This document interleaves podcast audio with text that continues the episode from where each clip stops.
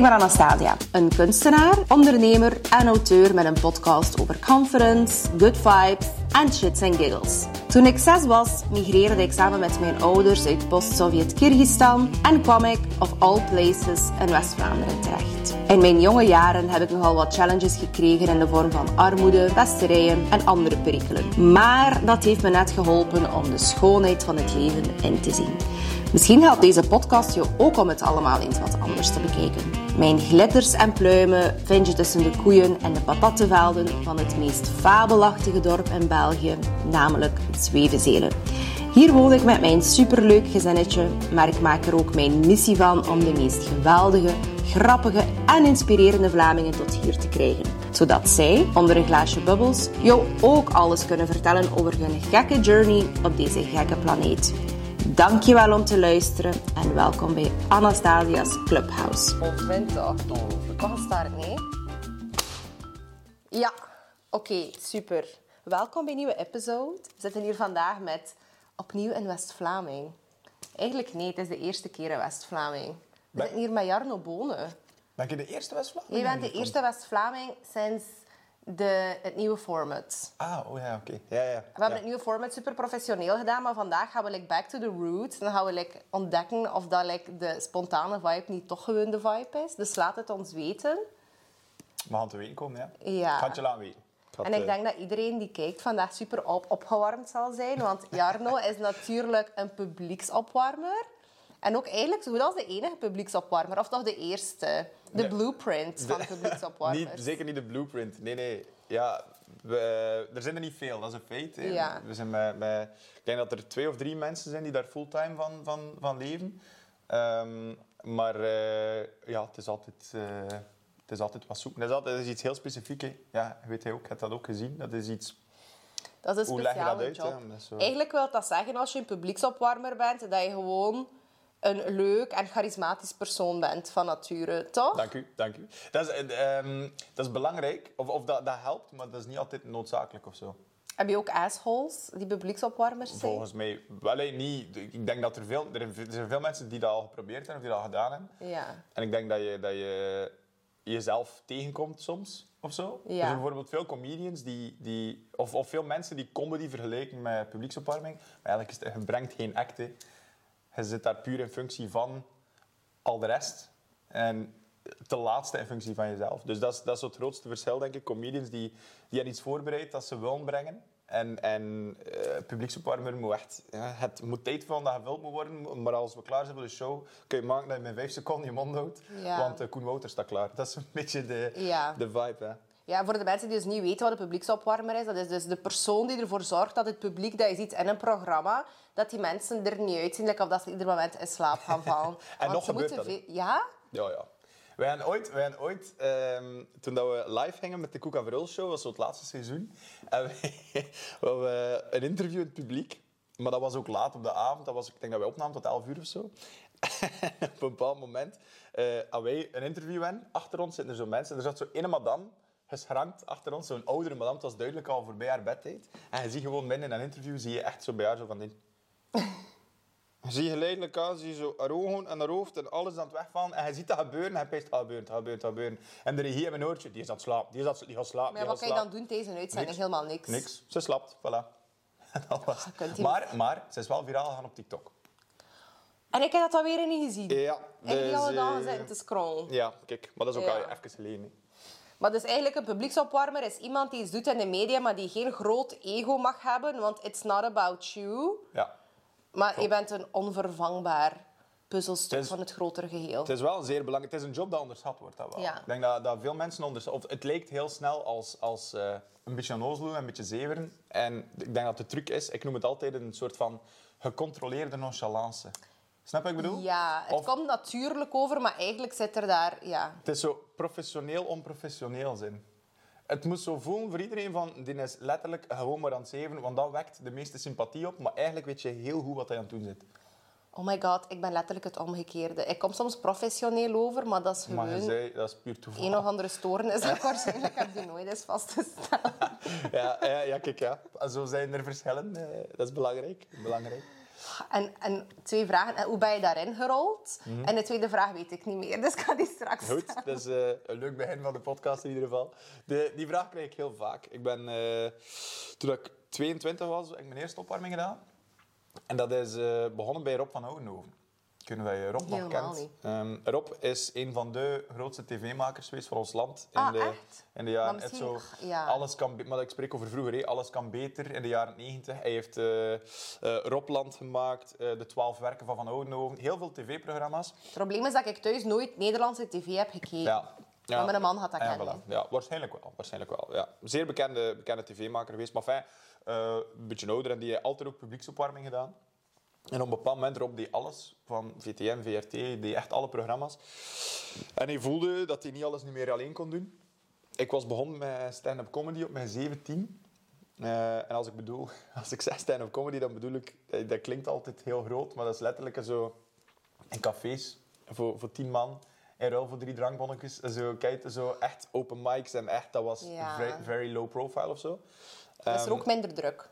Ja, maar, maar eh, daardoor heb ik wel leren met, allee, geleerd met een publiek omgaan dat eigenlijk niet echt geïnteresseerd is in u of zo. Want eh, soms kom je in cafés voor een open mic en dan zit daar echt zo vier man in een paardenkop die eigenlijk afgesproken hebben voor een pintje te komen drinken. En blijkbaar is er ook comedy. Kijk, Ja. Dus je moet dan zo die mensen ook naar je toe kunnen trekken. Ehm, en gaandeweg vond ik het leuker om, als ik tien minuten had, om tien minuten uit mijn duim te zuigen en interactie te zoeken met de mensen. Dan zo tien minuten voorbereide grapjes te brengen of zo. En eh, ja, dat heeft dan het een en andere gang gezet. Eh, ik denk dan in eh 2017 heb ik meegedaan aan Voor de Leeuwen. Maar gaat dat ook niet kennen dan. Dat is een programma waarin dat Bart Ik Peters op keek zoek alleen ging. maar Russische satelliet-tv. Ja, nee, Jammer genoeg Ik heb mij. ingeschreven voor een Russische talentenjacht, maar ze hebben mij niet, niet Dat geselecteerd. is een groter land, nee. Ah, Het is competitiever. Het is competitiever, Ja. dat is echt raar. En ook gewoon het feit dat het Nederlandse comedy was, zal waarschijnlijk niet echt geholpen hebben, denk ik. Eh, maar eh, in ieder geval, ehm, ja, Rob was op zoek naar iemand en ik ben hem begin vervangen. Dat is een beetje, en zo is dat ja, geleidelijk aan gegroeid eh, tot, tot wat dat nu is. Ja. Maar ik heb het gevoel dat heel veel mensen van zichzelf denken, en nu ga ik weer ze fucking evil trolls zijn voor veel mensen, maar iedereen vindt, allee, heel veel mensen vinden van zichzelf, ik ben, ik ben grappig, ik ben, nee, nee, nee, ik zou dat ook gemakkelijk kunnen doen.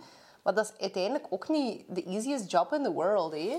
Nee, het is dat ik zeg. Ik denk dat heel veel mensen dat onderschatten. Ja. Ik denk dat heel veel mensen, doordat het zo leutig lijkt allemaal of zo, dat heel veel mensen denken, er, ik word heel vaak aangesproken door mensen die zeggen van, ehm, mijn, mijn tante zegt, of, of Ja. mijn ouders zeggen, of, of mijn neef zegt, of zodat. Mijn mama vindt mij heel grappig. En dat is super oké en dat kan. Hè. En ik oordeel daarmee niet, want daarmee weet ik eigenlijk niets. Maar dat is juist ook het punt. Daarmee Ja. weet ik ook niets. Het is niet omdat iemand dat zegt of dat je dat gevoel hebt. Want er komt zoveel meer bij kijken dan, dan mensen doorrennen of dan dat mensen denken. En dat is wel zo iets dat ik in het begin moeilijk vond of zo. Dat mensen dat minimaliseren. Dat ik denk van...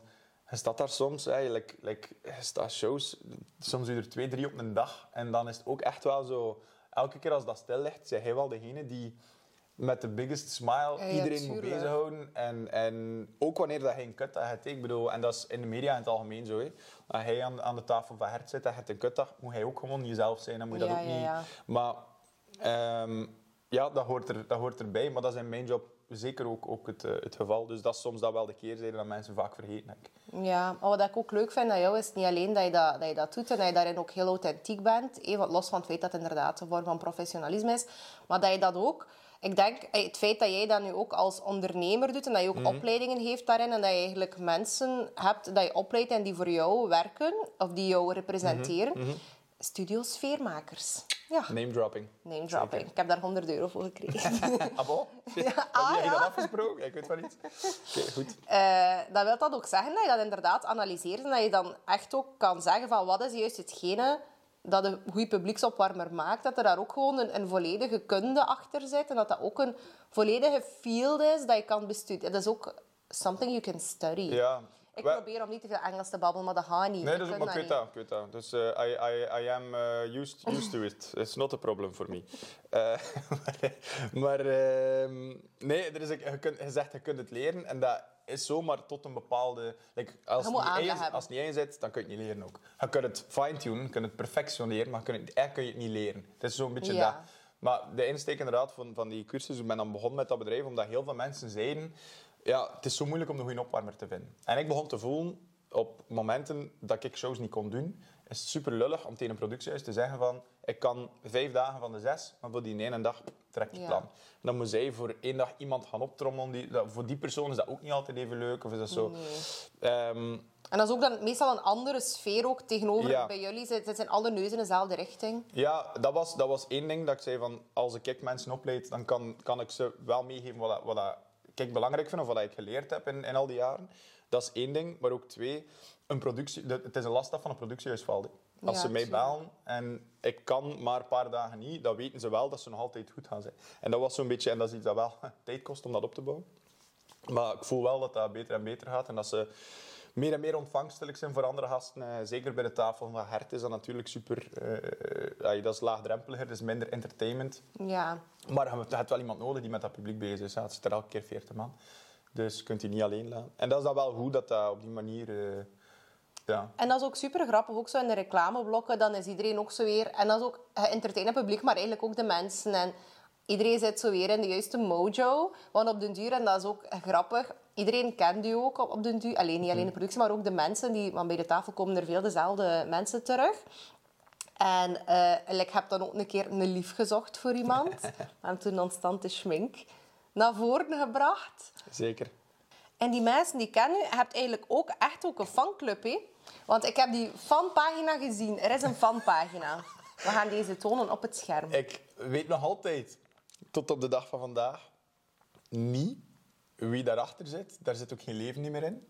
Maar dat was ineens opgekomen, ook jaren geleden, toen, Ja. dat, toen dat, dat bedrijf er nog niet was, toen dat nog niet zo goed ging. En ehm, ik verdenk nog altijd dat een van mijn vrienden zo'n asshole was. Nee. Maar Ik heb dat gezien, dat is echt een typisch... Vrienden gaan dat doen om te lachen, maar dat was gemeend. er was, er was tijd in gekropen. Er is tijd in gekropen en het is echt... Ik denk dat het een meisje is wel. Ja, of een ja, vrouw. Dat kan, dat kan heel goed zijn. Maar dus, eh, ja, tot op de dag van vandaag weet ik nog niet. Dus ehm, zit jij achter de fanpagina? Laat, Laat me weten. ons weten. Ja. Dan stuur ik jou een mock-up en regel ik een rendezvous. Voilà. Ja, ik kan je niets over te zeggen, maar dat is blijkbaar... Ja, dat is geregeld. Voilà. Kijk, Maar dat is toch... Dat is toch vind je Dat dat, is- tof of vind je dat... Ja, ja, het zou wel. Maar ik apprecieer... Kijk, ik zit in een situatie... Ik werk... Als opwarmer werk je altijd achter de schermen. Je staat, eigenlijk staat je in de schaduw, maar op het moment dat dat nu is, sta je vol in de spotlight. Dus dat is zo een rare balans. Ehm, en als je je plek kent en als je weet hoe dat je het moet aanpakken, niet als, als je je ego niet Ja. laat spreken, maar gewoon weet, ik doe mijn job wanneer dat moet en voor de rest up, stap ik terug en laat ik de, de echte sterren shinen, want Ja, daar komt het dan wel op neer.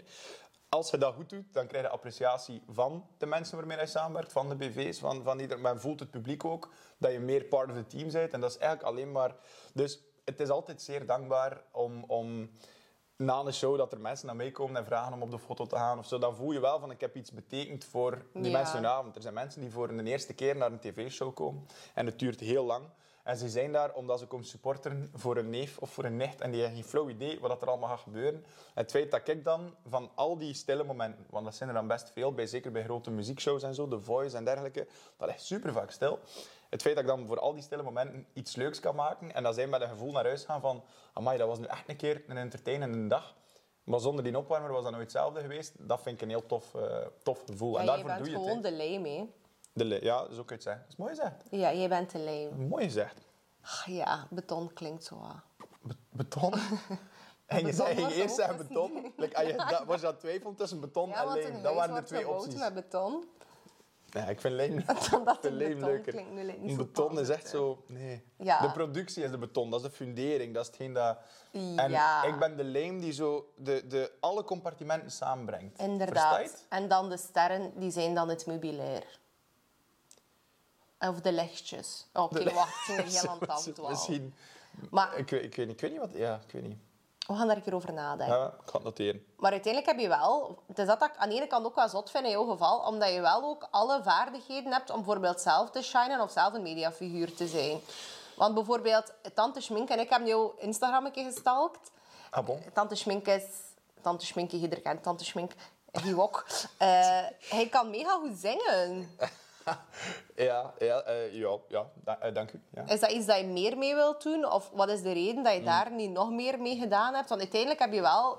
Like, I can't help but wonder. Je hebt wel alle connecties. Je zit in het juiste netwerk. Klopt. Het probleem is dat eh, ik wil veel.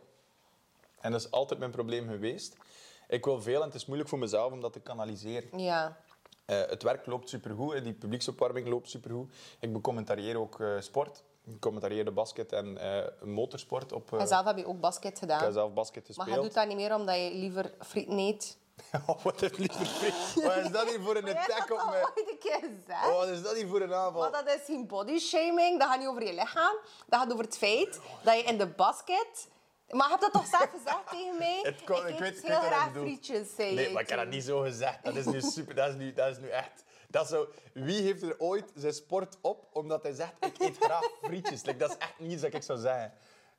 Wauw. Dat is hetgeen dat ik Wauw. onthouden heb. Ja, blijkbaar. Dat is, niet- nee, dat is hetgeen dat hij ervan gemaakt heeft. Waarschijnlijk is het woord friet ergens een keer gevallen die avond en, En hij had gelinkt hamburgers.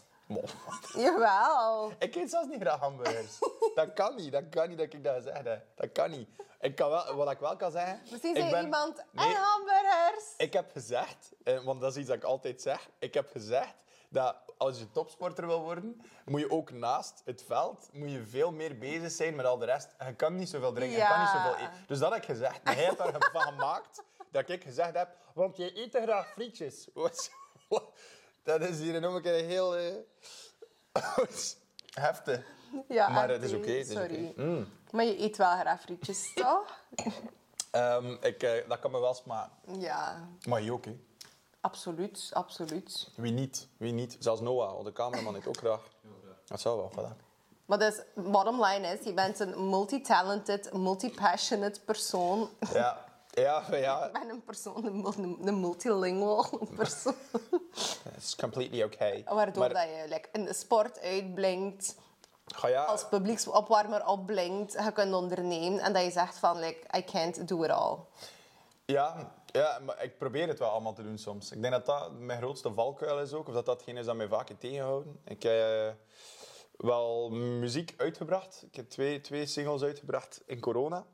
En ik was daar blij mee. Ja. Maar dan is corona gedaan, is er weer superveel werk. Die twee nummers zijn niet per se iets groot betekend of gedaan of zo. Eentje is op Radio 2 geweest, ja, oké. Maar ehm, dan is er terug superveel werk. En dan gaat mijn full focus daar weer naartoe. En dan, dus het is heel moeilijk om... Ik doe het ook allemaal alleen. Ik heb geen, geen, niet per se een manager of, of, Nee, of eh, tuurlijk, ja. iemand die dat, de lijnen mee uitlegt. Ehm, maar maar ehm, dus ja, dat is, dat, is zo, dat is zo wel hetgeen dat ik, dat, dat ik voel dat ik wel moeilijk vind om, om iets, vast, iets aan vast te houden. Omdat ik, ik doe veel dingen graag. Ik denk dat ik ook mag zeggen dat ik veel dingen goed doe. Maar dan komen er dingen op mijn pad en dan wil ik dat grijpen. En dan, Ja. Dus I'm going with the flow, maar het is zo heel moeilijk om voor jezelf, zeker als er heel veel werk is, als er veel Ja. dingen binnenkomen, om dan te zeggen, ik ga dat niet doen, want ik ben tijd aan het investeren in iets dat ik wil doen, dat is zeer moeilijk. Plus ook dingen bouwen. En ik denk, allee, ik kan daar mezelf enorm in herkennen, want ik doe ook heel veel dingen. En ik heb vroeger altijd een marketingbureau gehad. Ik doe een klein beetje dingen online, maar niet dat ik mezelf een influencer zou noemen. Ehm, ik maak kunst, ik schrijf nu een boek. Ik doe School of Conference, ik doe de podcast. Ik doe nu een klein beetje allee, conventionele media. Hoe zeg je dat zelfs? Conventio- conventionele media. In ieder geval media. commerciële media. Maar dan denk ik ook van alle tijd. Alleen nu steek ik heel veel tijd in mijn boek. En ik ben daar ook oprecht, kan ook echt zeggen. Ik, ik heb een supergoeie schrijfstijl. Dat gaat echt een supergoed boek zijn. Ehm, maar dan kan ik andere dingen niet doen. En dan soms heb ik het gevoel dat ik mezelf zo buttfucken daarmee. Omdat ik zoveel verschillende passies heb. En dan, nu heb ik wel voor mezelf uitgemaakt van ik doe dingen periodiek. Bijvoorbeeld, ik maak kunst en ik doe dan een exposé. En dat verkoopt dan, of eh, dat is dan even mijn fase geweest. En dan hou ik mij even bezig met School of Conference en dit en dat. Omdat het gewoon niet realistisch is voor mij als persoon, binnen hoe dat ik werk, of dat mijn brein werkt, om constant hetzelfde te doen. Ja. En bijvoorbeeld uit sommige dingen gro- groeien ook na verloop van tijd. Zoals bijvoorbeeld dat marketingbureau. Ik was daar gewoon uitgegroeid. En dan heeft mijn broer dat zo wat overgenomen. Maar ik heb het gevoel ook... ehm, ja, als ik altijd hetzelfde zou moeten doen, dat ik gewoon super ongelukkig zou zijn. En ik denk ook nu heb je gewoon zoiets van, denk ik, van ik ben daar nu goed in en dat draait goed en het werkt. Maar ik weet niet of dat jij dat... mis- Misschien ga je bij, is meant to be, bij wijze van spreken, of in een ster geschreven, dat je binnen tien jaar like, een fucking amazing singer gaat zijn. Omdat je zegt van, kunnen we genoeg mensen doen lachen. Ja. Like, mijn mission is complete. Maar ik weet niet of, dat je, of dat ik ooit ga zeggen, ik heb genoeg mensen doen lachen. Omdat dat is wel iets dat zit ook in je core of zo. Dat, dat, is Ja. iets dat, dat zit er wel in, dat gaat er nooit uit Ja. tot vervelens toe. Maar, maar eh, dat, het is bij mij gewoon, ik voel nu wel al, met publieksopwarming, ik ga dat altijd graag doen. Want ik ben er goed in, ik weet hoe dat werkt. En mensen kennen mij, er is vertrouwen. Dat is iets dat ja, al bijna zeven jaar dat ik aan het opbouwen ben. Dus ik, ik ga nooit zeggen, ik vind het niet meer leuk. Ja. Maar ehm, de uitdaging wordt wel minder en minder of zo. En ik ben wel iemand die daar constant ook naar op zoek... Ik ben constant op zoek naar de trail, constant op zoek naar... Hoe kan ik mezelf uitdagen? Hoe kan ik groeien? Waar, waar is er groeimarge? En Daarom onderneem je ook, hè. Voilà, dat, was, ook- dat was ja. de, de volgende stap voor mij. Want ik had het gevoel dat het verhaal van op, ik kan ja, mijn opwarming doen. Ah, ja, en altijd zeggen, ah ja, het is druk. Van die show naar die show. En, dat is super tof. Maar het was ook geen uitdaging meer. Ik heb dat gevoel toen dat ik de, de finale van de Mol deed. Dat is zo één keer in Paleis 12 geweest. Zo 11.000 man vol, vol Paleis 12. Dus dat was mega exciting om te doen. Maar ehm, ja, die show was gedaan. Ging supergoed. En dan kwam er zo'n vriend naar mij achteraf en die zei... Maar je moet een beetje stress had hij zeker? En dan dacht ik... Ah, nee, tot, totaal, maar echt totaal niet. Ik kan, gewoon, kan geen, geen stress, gewoon Ja. hoesting. Echt hoesting. En dat ging supergoed, want ik wist... Ja, ik doe dat nu al zo lang. Ik wist dat dat wel ging goed komen of zo. Ik maak me daar geen zorgen meer over. En dan denk ik wel van... Ah ja, eigenlijk is dat wel jammer. Want je wil wel het gevoel hebben, hè, zeker toen, ik was 27, je wil wel het gevoel hebben dat je, dat je constant nog uitgedaagd wordt. En dat je geprikkeld wordt. En Ja. allee, dat is nu wel extreem spiriwiri en het licht komt er ook van Ja, eerste keer. The universe is ever expanding and so are you. Dat was mijn quote. Dat we gewoon altijd op zoek zijn naar meer en dat dat normaal is. En dat je altijd, like, er is altijd een volgend level. En ik denk wat dat een ondernemer een goede ondernemer maakt en niet like, al zijn...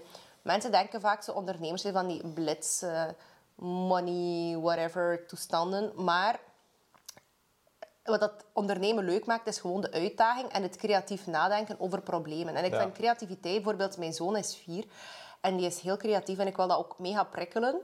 Zelfs, allee, ik, ik doe wel iets creatiefs in mijn leven, maar voor hetzelfde geld doet hij iets helemaal anders. Maar creativiteit kan je in zoveel velden in het leven toepassen. En dat, is, Ja. dat, dat creatief kunnen denken is zo belangrijk. Zeker. Ja, ja, absoluut. En ik- voor de ene is dat belangrijker dan voor de ander, denk ik. Ik denk Ja. dat, dat er mensen zijn die minder waarde hechten aan creativiteit, of tenminste niet doorhebben dat creativiteit op andere vlakken ook een rol speelt. Maar ook over ook problemen oplossen denken. En zo. zegt. Ja, ja, dat is, dat is ook ja, creatief. Ja, klopt. Ja. Ja. Nee, absoluut. Ja, voor mij is creativiteit altijd... Ik heb altijd heel mijn leven al ideeën gehad of performances gedaan en, en optredetjes en ditjes en datjes. En altijd, mijn hele familie had er moeten aan geloven. Dus dat was altijd wel een ding bij mij of zo. Ja. Sowieso. Dat is denk ik ook zo... Ik ga mezelf nu wel duizend keer herhalen, maar dat is echt zo een van de bottomlines van heel mijn leven. Wat ik zo overkomen heb in mijn persoonlijk leven. Van, dat mijn ouders mij nooit echt gesteund hebben en dat die zelf zo super getraumatiseerd waren door dingen die dat echt overgebracht hebben op mij. En dat ik dat nu voor een heel groot deel genezen heb, als het ware, voor mezelf. En ook dat ik nu een kind in de maatschappij kan zetten die niet met die trauma's moet Ja. opgroeien. Ehm, zo gewoon, ik vind dat zo belangrijk voor, voor gewoon, ja, dat mijn kind weet van je wordt zo in alles gesteund en gesupport. En al, allee, Ik denk dat dat ook een heel belangrijk is. Als ik ooit kindjes heb, is dat ook... Ik denk, ik ben met diezelfde waarden opgegroeid en dat betekent zoveel. Mijn ouders waren bij elke basketwedstrijd. Ja. Eh, ze waren bij elke comedy show. Dus dat, ze waren bij... Allee, dus, dus zij hebben mij altijd ten volle gesteund. En ook wanneer dat... Want dat is dan wel de keerzijde. Ik was geen goede student. Eh, echt horrible. Ehm, ik had er ook geen zin in. Ik was niet iemand die mij daartoe kon zetten. Ik kon mij, mezelf niet motiveren om dat te doen, omdat het interesseerde mij niks. En als ik bijvoorbeeld een vak, like, eh, fysica, wiskunde, chemie, dat waren vakken waarvan dat ik toen al 300% zeker wist, nooit in mijn leven had ik dat nog nodig hebben. Maar ja, Because- waarom laat je mij hangen? Ik wil een lekker Ah, sorry. Ik dacht, ik dacht dat hij een hand opstak. ik dacht hij... Maar hij zei same. Ik dacht hij bedoelde same. Zo, kijk van... Dan ga ik dat doen. Ik ook. Maar Wie doet, er, wie doet er dan nu nog? Dat is, in het eerste leerjaar. van 390, Meester, meester, ja. meester. Nee. Ja, het, het was een misverstandje, maar kijk, bij deze is het oké. Het is oké, we zijn ça va, eraan uit. maar... eh, Het zijn de vrienden, dacht ik. Ja, het. Dat, dat diep, zit Nee, diep. Je had nog veel in. Maar nee, ja, dat, dat, dat dat wel iets, iets is, dat, dat, ook dat was super moeilijk. En dan was er zo, hé, het moment dat ik afstudeerde van het middelbaar, ik wou niet echt verder studeren, omdat ik niet vond wat ik wou doen of zo. Nee, ik ook niet. En dan, dan had ik, ik, ik was dan oprecht al ook van mening van... Kijk, ik heb een half jaar sport en beweging gedaan, want dat was zo het meest logische om verder te gaan in dat sport. Maar dan had ik beseft dat sport voor mij meer een... Of het coaching, want dat is waar sport en beweging dan om draait, was voor mij meer een hobby. Ik deed het graag on the side, maar het was niet Ja. iets dat ik mijn main focus van wou maken of zo. Dus na een half jaar ben ik dat ook gestopt. En dan zei iedereen in mijn omgeving ook, familie, vrienden... Ja, je had toch een diploma moeten nemen. Je had toch een diploma moeten nemen. Ja, maar ja, zo had het toch... Hé, allee, ja. Ja. En ik, eh, dat, ja, ik was toen van 19. Ja, ik heb afgezien, hè, want ik had geen diploma. Ik werkte bij Sunparks. Ik werkte bij... Ja, dat was een leuk verhaal. Ik werkte bij, ja, bij Decathlon. Ik Waarom zeg je decathlon? Decathlon? Wat? Nee, hij zegt decathlon. De- Sorry, dat is wat hij ervan maakt. Je moet echt niet... Zo'n ding moet je echt niet in mijn mond leggen, letterlijk en figuurlijk. Dat is echt... Ik zei decathlon, dat is gewoon wat dat, dat, is gewoon hoe dat jouw Hij brain werkt. echt Decathlon. Noah, wat zei ik? We gaan het hem kunnen We gaan Ja. terugkijken. Het was echt decathlon. Oké, sorry. Enfin, decathlon. Eh, Ziet, dat was ja, nu zeg ik het expres Ah, ja, natuurlijk. Hallo. Jezus. Oh, dat wordt hier een lange Ik middag. ga een beetje water drinken. Drink een beetje water. Ja, want het is hier vreemd. Ja, en zorg dat je niet start, hè. Deze vermakelijke en educatieve podcast werd gesponsord door School of Conference. Zou je wat meer nee willen leren zeggen? Nee, Janine, ik heb gezegd dat dat niet gaat. Zou je de persoon willen zijn die de ruimte vult met een aanstekelijke energie? Laat het maar branden. Ben je benieuwd hoe je leven eruit zou zien als je je volle potentieel zou benutten? Ken ik ook School of Conference? Boek dan nu jouw ticket voor de allerlaatste editie en ga voor een leven vol vavavoen. Zeg, en is dat ook wat voor? Ah, maar ja, het is voornamelijk voor vrouwen, maar we hebben ook al een keer een event gehad. Ja. Iedereen die hem geroepen voelt, is welkom. Allee, en waar vind ik die tickets? Ah, wel, op schoolofconference.be. En ik zou rap en zo gaan nog de eerste zijn voor te klagen dat je te laat zit. Ah ja, inderdaad. Ik heb dat ook gedaan. Ik vond dat bijna goed. Ga naar schoolofconference.be voor jouw life-changing avontuur. Ik had zelfs nog niet door dat... Ik had zelfs nog niet door dat dat jouw eigen tassen waren. Ja, hé. Ja, maar jij fruits. krijgt dat straks ook mee naar huis. dat- is dat waar? En je zweven. Maar niet die, Ah, nee, maar een proper. Allee, Ja, niet dat hij een want ik krijg hier alleen maar... eh, Vullen glas. vullen glazen en dingen. I went to Zwevenzelen to record a podcast and all I got was this fucking bug. Hm, Makes sense. Ja. Van mij is today is a good day to be a bad bitch. Was een Die wil koffie zat daar ook in. Die wil ik. Zelfs wanneer dat iedereen voelde van... Ja, je moet studeren en je moet dit en je moet dat. En dan zo ga je er niet komen en zo. Ja. Waren mijn ouders de eerste om te zeggen... Je is zo bezig, laat hem. Of je gaat wel op Maar dat is toch heerlijk. Dat is ook toch de job van de ouders om je kind te garden. En ik, ik kan dat dan niet. Oké, bless my parents. Ik wil er zeker niks slechts over zeggen. Maar als je wil weten dat de dynamic in elkaar zit, moet je wel mijn boek kopen. Dan dat komt uit in maart. Maar, In maart? Eh, In maart, ja. Al de goede dingen komen uit in maart. De eiers, de blom en mijn boek. Of niet? Is dat te vroeg? Oké, ik, ik- nee, dat is echt oké. In de Sovjet-Unie was dat wel. Dat kwam de lente vroeger. In ieder geval, ik was daar totaal niet in support. Dus ik moest like, iedere dag like, vechten voor me. Dus ik word dan al in bijberoep, omdat ik ook dan een beetje ouder was. Van, ja, ook lang verhaal dat je mijn boek gaat lezen. Ik kan gewoon heel... heel Ben ik hier voor de promotie van jouw boek? Eigenlijk. Ik wist van niks, maar dat is goed. Als ik het verweten, kan me daar een beetje meer op Ja, de- ik was in bijberoep, zodat ik dan echt kost te zeggen. Want ik wist van, ik moet nu het wat starten, dat ik nog in school zit. Mhm. En ik werkte toen als freelance journalist en copywriter. En ik had zo'n webshop met kleren, dat iedereen dat, maar in de tijd niet. En eh, omdat ik wist van, ik moet het wat aan voor me aan vasthouden, want ik ga straks sowieso, sowieso gaan ze weer afkomen met studeren. Iedereen gaat zeggen, je bent competent, capabel, doe Mhm. dat maar. En ik wil dat niet. Ik wil niet competent en capabel zijn. Ik wil gewoon ding doen, like for shits and giggles. Ja, Maar nu is iedereen wel mee met de vibe. ja, ja. Dat, dat, dat snap ik. Maar ik dat kan wel de ouder zijn, dat jouw ouders zijn, of geweest zijn voor jou als kind, wil ik wel hetzelfde. zijn. En ik kijk daar ook naar op. Ik omring mij graag met ehm, mensen die een gezonde thuissituatie gehad hebben. Zoals bijvoorbeeld mijn vriendin Kitty of Koenraad. Die hebben zo'n warm, loving nest gehad als kind. En ik vind dat ook zo echt de leukste mensen, omdat die like, zo... Van nature hebben die zelfvertrouwen. Eh, van nature hebben die goede grenzen. Dat zijn goede communicators. Die zijn oprecht zichzelf en die zijn authentiek. En dat trekt mij ook aan, want dat zijn eigenschappen dat ik enorm ook waardeer en hoop zelf te hebben. Maar dat zijn wel eigenschappen dat ik heb moeten ontwikkelen. Ja, snap ik. Ja, ik denk, ik denk als je zegt van warm, loving nest, eh, ik denk niet dat, dat zelfvertrouwen er automatisch bij hoort of zo. Maar ik denk wel, als je ouders... Bijvoorbeeld, ik heb nooit ervaren wat dat onvoorwaardelijke liefde is. En ik, wil, ik ben totaal geen victim van mijn leven, maar heel dankbaar dat ik dat allemaal heb meegemaakt. Ik heb, nu ook een- ik, ik heb het grootste respect ook voor mijn ouders. Ik wil nu niet zeggen, mijn ouders hebben iets slechts gedaan. Maar mijn ouders waren zelf getraumatiseerd Ja. door hun ouders en hun situatie. Dus die konden ook niet ook beter. ja, maar die hebben natuurlijk meer dan hun best gedaan. Allee, die hebben echt alles gedaan en veel meer waar dat ik alleen maar super dankbaar voor kan zijn. Maar die hebben bijvoorbeeld mij nooit het gevoel gegeven, ook al was dat zo, dat de liefde onvoorwaardelijk was. En er waren gewoon heel veel voorwaarden. Zoals, Ja. je moet goede punten hebben. Of gewoon mijn fysieke veiligheid was belangrijk. Maar niet hoe dat ik mij voelde. Ik kon ook nooit babbelen met mijn ouders. En die hebben mij ook echt, ja, echt fysiek en eh, verbaal laten afzien. En daardoor had ik ook echt geen zelfvertrouwen en keek ik enorm op. Ik- Allee, mijn eerste lief, dat was echt iemand met heel veel zelfvertrouwen. En dat was ook puur omdat ik dat... Ja, uiteraard was ik super verliefd, maar ik keek daar zo naar op. Iemand die zelfvertrouwen heeft. En Ja. nog altijd vind ik dat heel leuk. En of course, confidence is like een heel mijn spiel geworden.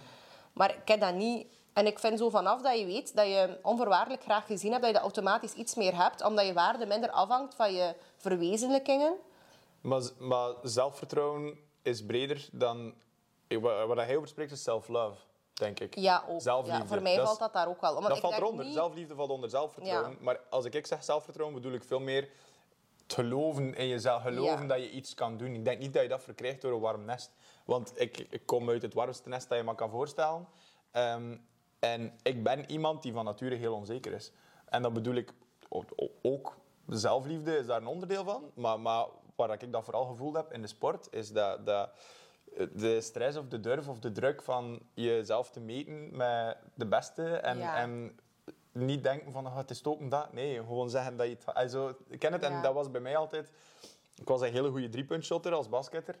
En vanaf dat dat zo geweten was en dat ik voelde dat dat verwacht werd ook, was dat bij mij elke bal dat ik kreeg en dat ik ging shotten, was dat voordat ik shotte in mijn hoofd al van oh, het is dat erin gaat. Zo, kijk, Ja, ja, en dat, dat is super jammer. Want dat is natuurlijk hetgeen dat je niet moet mee bezig zijn. Dat je, maar dat, dat, dat is wel een ding geweest bij mij of zo. Dus ik denk dat zelfliefde nog iets anders is dan zelfvertrouwen. Nee, absoluut. En ik denk voor zelfliefde dat er vooral ook veel zelfkennis nodig is. Of toch voor, allee, in mijn situatie, waarbij dat ik het op latere leeftijd heb ver- verworven. Maar inderdaad, ja, ook confidence, dat valt zo breed uit en daar vallen zoveel dingen onder. En het is inderdaad niet te definiëren als één iets. Want bijvoorbeeld, ik doe natuurlijk School of Conference en mensen denken daarvan, ah, dat is voor van die hyper onzekere mensen die niks durven. Maar er, zijn zoveel, er is zo'n breed Natuurlijk. spectrum aan mensen die dat doen. En inderdaad, bij School of Conference start het inderdaad bij zelfliefde. En dan gewoon... Allee, eigenlijk gaan we gaan leven volgens ons, ons alter ego. En inderdaad kunnen falen en falen kunnen zien als niet iets dat afdoet van je waarde als persoon. Dat is daar ook zo'n groot onderdeel van. Maar sport is daar toch geweldig voor ook, hè? Ja, ja, maar je komt jezelf ook super hard tegen. Ja. Like bij mij was dat wanneer dat ik voelde van... hm, eh, hoe moet ik zeggen? Je hebt iets opgebouwd of zo. Je komt in, in bepaalde kringen. Ik zat op de topsportschool en, en eh, daar weet iedereen wie dat je bent, hoe dat je bent en weet iedereen Ja. dat je onzeker bent. En dat is heel moeilijk om daaruit te komen. Toen dat ik mijn allereerste comedy show deed, was ik 17. En ik heb toen beseft dat ik ga subiet op een podium gaan staan voor de allereerste keer. Met grappen dat ik zelf heb geschreven. En er is hier een publiek dat mij niet kent. Dus niemand weet hoe onzeker of zelfzeker of hoe dat ik in elkaar zit. Dus als ik nu zorg dat ik vanaf mijn eerste woord dat ik daar sta, dan gaan die dat wel geloven. En ik denk dat ik mezelf zo mijn eigen conference heb aangeleerd. Ja. Door dat te faken eigenlijk, maar door die lijn dan gewoon door te trekken. Want dat is wat, wat... Op een podium heb ik dat geleerd. Omdat ik voelde van... In topsport heb ik dat niet gedaan. Dit is een herkansing om dat beter te doen of zo. Of om mijn eigen Ja. niet te kleineren door eh, zelfvertrouwen of, of whatever. Maar door gewoon te zeggen van... Oké, fuck it, kom. Ik ga dat moment hier pakken en ik ga dat doen. En dat is mij supergoed bevallen, uiteraard. Want ik heb er nu mijn werk van gemaakt. Dus ja, ik denk dat dat een, een hele belangrijke is. Mensen vragen mij vaak hoe moet je eh, zelfzekerder worden op een podium. En dat is ook een deel van, van de cursus. Ja. Eh, het gaat hem niet per se... Allee, dat is, ik, ben geen, ik wil mij niet pretenderen als een, een, een eh, conference coach of zo, want daar gaat het niet om. Maar ik geloof wel dat... Maar conference kan je van iedereen leren. Ik bedoel, ook bij School of Conference hebben zoveel guestcoaches, maar dat, dat kunnen natuurlijk psychologen, therapeuten, Mhm. professionals zijn binnen eh, dat veld.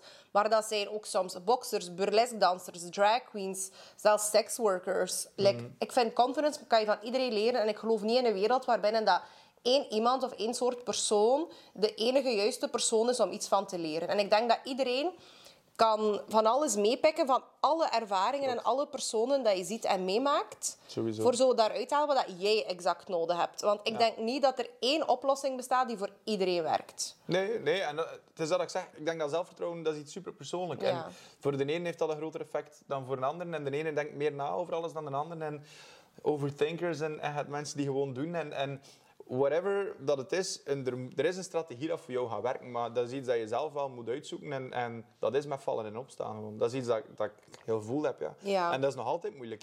Hè. Ik herinner mij... ehm, in opwarming en, en optreden en dergelijke had ik dat dus veel minder, omdat ik zoiets had van, het is, dat die, die eerste indruk is belangrijk. Daar gaat het om. Mensen maken een eerste indruk vanaf dat ze zien. Dus de moment dat ik op het podium stap, maken mensen een eerste indruk van mij. Dus ik moet zorgen dat die eerste indruk goed is. Dat was een beetje Ja. de insteek. Maar wat is er dan gebeurd? Ik denk, heel het begin van, van mijn publieksopwarming, ehm, ja, oké, het optreden of voor een, voor een comedypubliek, maar op een tv-set gaan staan, waar dat er een publiek zit, maar dat er ook BV's Ja, jou ja, bezig zien, dat was zo toch weer een stap Meer hoger. intimiderend. Dat is ook. intimiderender. Zeker, ik was 22, ja, hé, geen diploma en je moet studeren. Zo, dat zijn dingen die altijd wel zo wat speelden. En dat ging dus zeer goed. En mijn eerste programma was eentje met Staf Koppes. Super sympathieke Ja. mens. Allee, ik, ken hem niet persoonlijk, maar ja, dat ziet er mij Echt. zo'n heerlijk en mens mega uit. Ja. dankbaar voor alles. En, en oh, het is leuk om met een opkomend talent samen te werken. En als je dat van zo iemand hoort, ja, oké, dan word je wel echt, dan sta je zekerder, je is, je is goed of zo. En dan moest ik de slimste mensen overnemen. En dan zei je 22 en dan kom je op die ene tv-set waar dat je heel je leven naartoe kijkt. Dan kom je op die ene tv-set met Erik van Looy. Super sympathieke gast. Ik heb hem ondertussen leren kennen, maar ook een intimiderend persoon. Ja. Hè? Eh, ook iemand die heel gereserveerd is in eerste instantie. Dus je komt er niet echt door als je nieuw bent. Dus dat, dat, dat zorgt ook voor een bepaalde afstand en extra stress. Maar los daarvan zitten er nog een keer vijf BV's. Er zitten er drie op de stoel en twee die daar specifiek zitten om grappig te zijn. En dan moet hij als 22-jarig Je moet gastje up to par zijn. Hè? op die set gaan staan. En eigenlijk moet je daar niet van aantrekken. Moet je gewoon doen wat je altijd doet. Maar je denkt daar wel over na. Wat is er gebeurd? Ik denk na twee of drie shows ehm, heb ik eh, geen call sheet meer ontvangen. En eh, moest ik niet meer terugkomen. En werd er gezegd, maar ja, hoe is dat dan zo of niet? Dat maakt niet uit, dat is nu ook zes jaar geleden. Ja. Werd er gezegd, eh, ja, Erik wil liever met iemand anders werken. Ja. Maar dus, dat betekende, in mijn hoofd, vond Erik mij slecht, vond Erik mij niet goed. En elke show voor de komende twee, drie jaar... Zo lang, jaar nog, twee jaar. Dat Erik van Looy te gast was, had ik zo... eh, ja, was dat met een stresskakje op voorhand. Dat was echt... Tuurlijk. Dat was ja. echt... Ik zat er zo hard mee in, tot dat... ehm, ik zeg twee, drie jaar. Het was maximum twee jaar, voor alle duidelijkheid. Want ik besef Ja, oké, maar toch. Ja, ja, maar... maar Alles langer dat- dan een jaar is lang in mijn wereld. dat dat, een, dat dat een heel groot effect... Allee, effect... Het had geen... ehm, ik probeerde... Dat, het was elke keer weer zo het gevoel van... Ik moet me bewijzen, want Erik is er. Ja. Maar in realiteit was Erik al lang vergeten. Dat ik Het is daar alsof ooit... dat je zo in een restaurant bent en er komt zo'n recensent van... Ja, dan ben je toch ook altijd op je hoede. Ja, ja, Maar, maar, maar Erik wa- was daar niet mee bezig. Die was al lang vergeten. Ook dat, dat, was gewoon, voor hem was dat gewoon een kwestie. Zelf- was het voor hem, was het voor de productie, het maakt mij zelfs niet uit. Er waren mensen die zoiets hadden, dat was te vroeg. Dat is ook te vroeg. Ik was nog niet rijp om een programma als De Slimste Mens te kunnen dragen als opwarmer. Je moet best wel ja, wat, wat last dragen. Dat ligt ook heel veel stil. Ik was daar niet klaar voor. Ik was te jong, te onervaren. Dat is gewoon een feit. Eh, dus dat, dat, ik neem daar niemand iets kwalijk of zo. Nee, dat was gewoon de, de realiteit.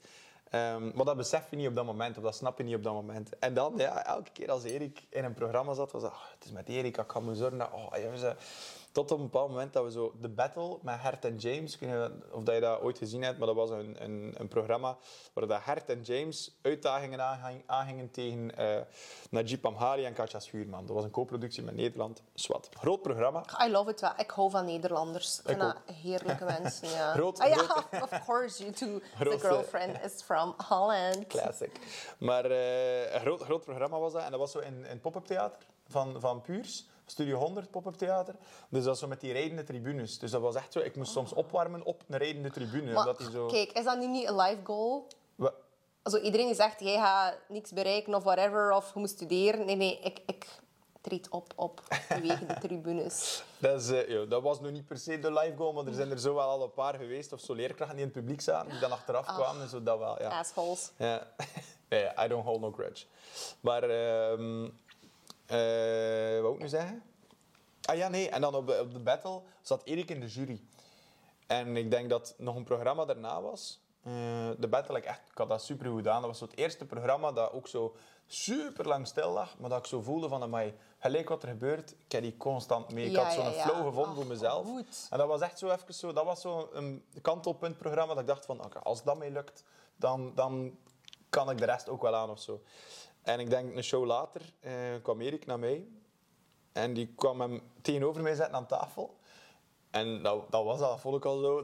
Dus ik kreeg al zo alles dichtnemen en zo, was zo volledig gespannen. En toen zei hij, ik moet je trouwens feliciteren. Ik zei, eh, ja, ja, voor uw prestatie bij de battle de vorige keer, dat was echt ongelooflijk. Ja, hoe dat hij... En dat was like, op dat moment, alles viel van mijn schouders. Niet normaal. En dat is stom, hè? Want volgens mij weten die mensen zelfs niet meer dat ik ooit slimste mensen heb opgewarmd. niet, ja. He don't care. Hij, is gewoon bezig met zijn programma, whatever.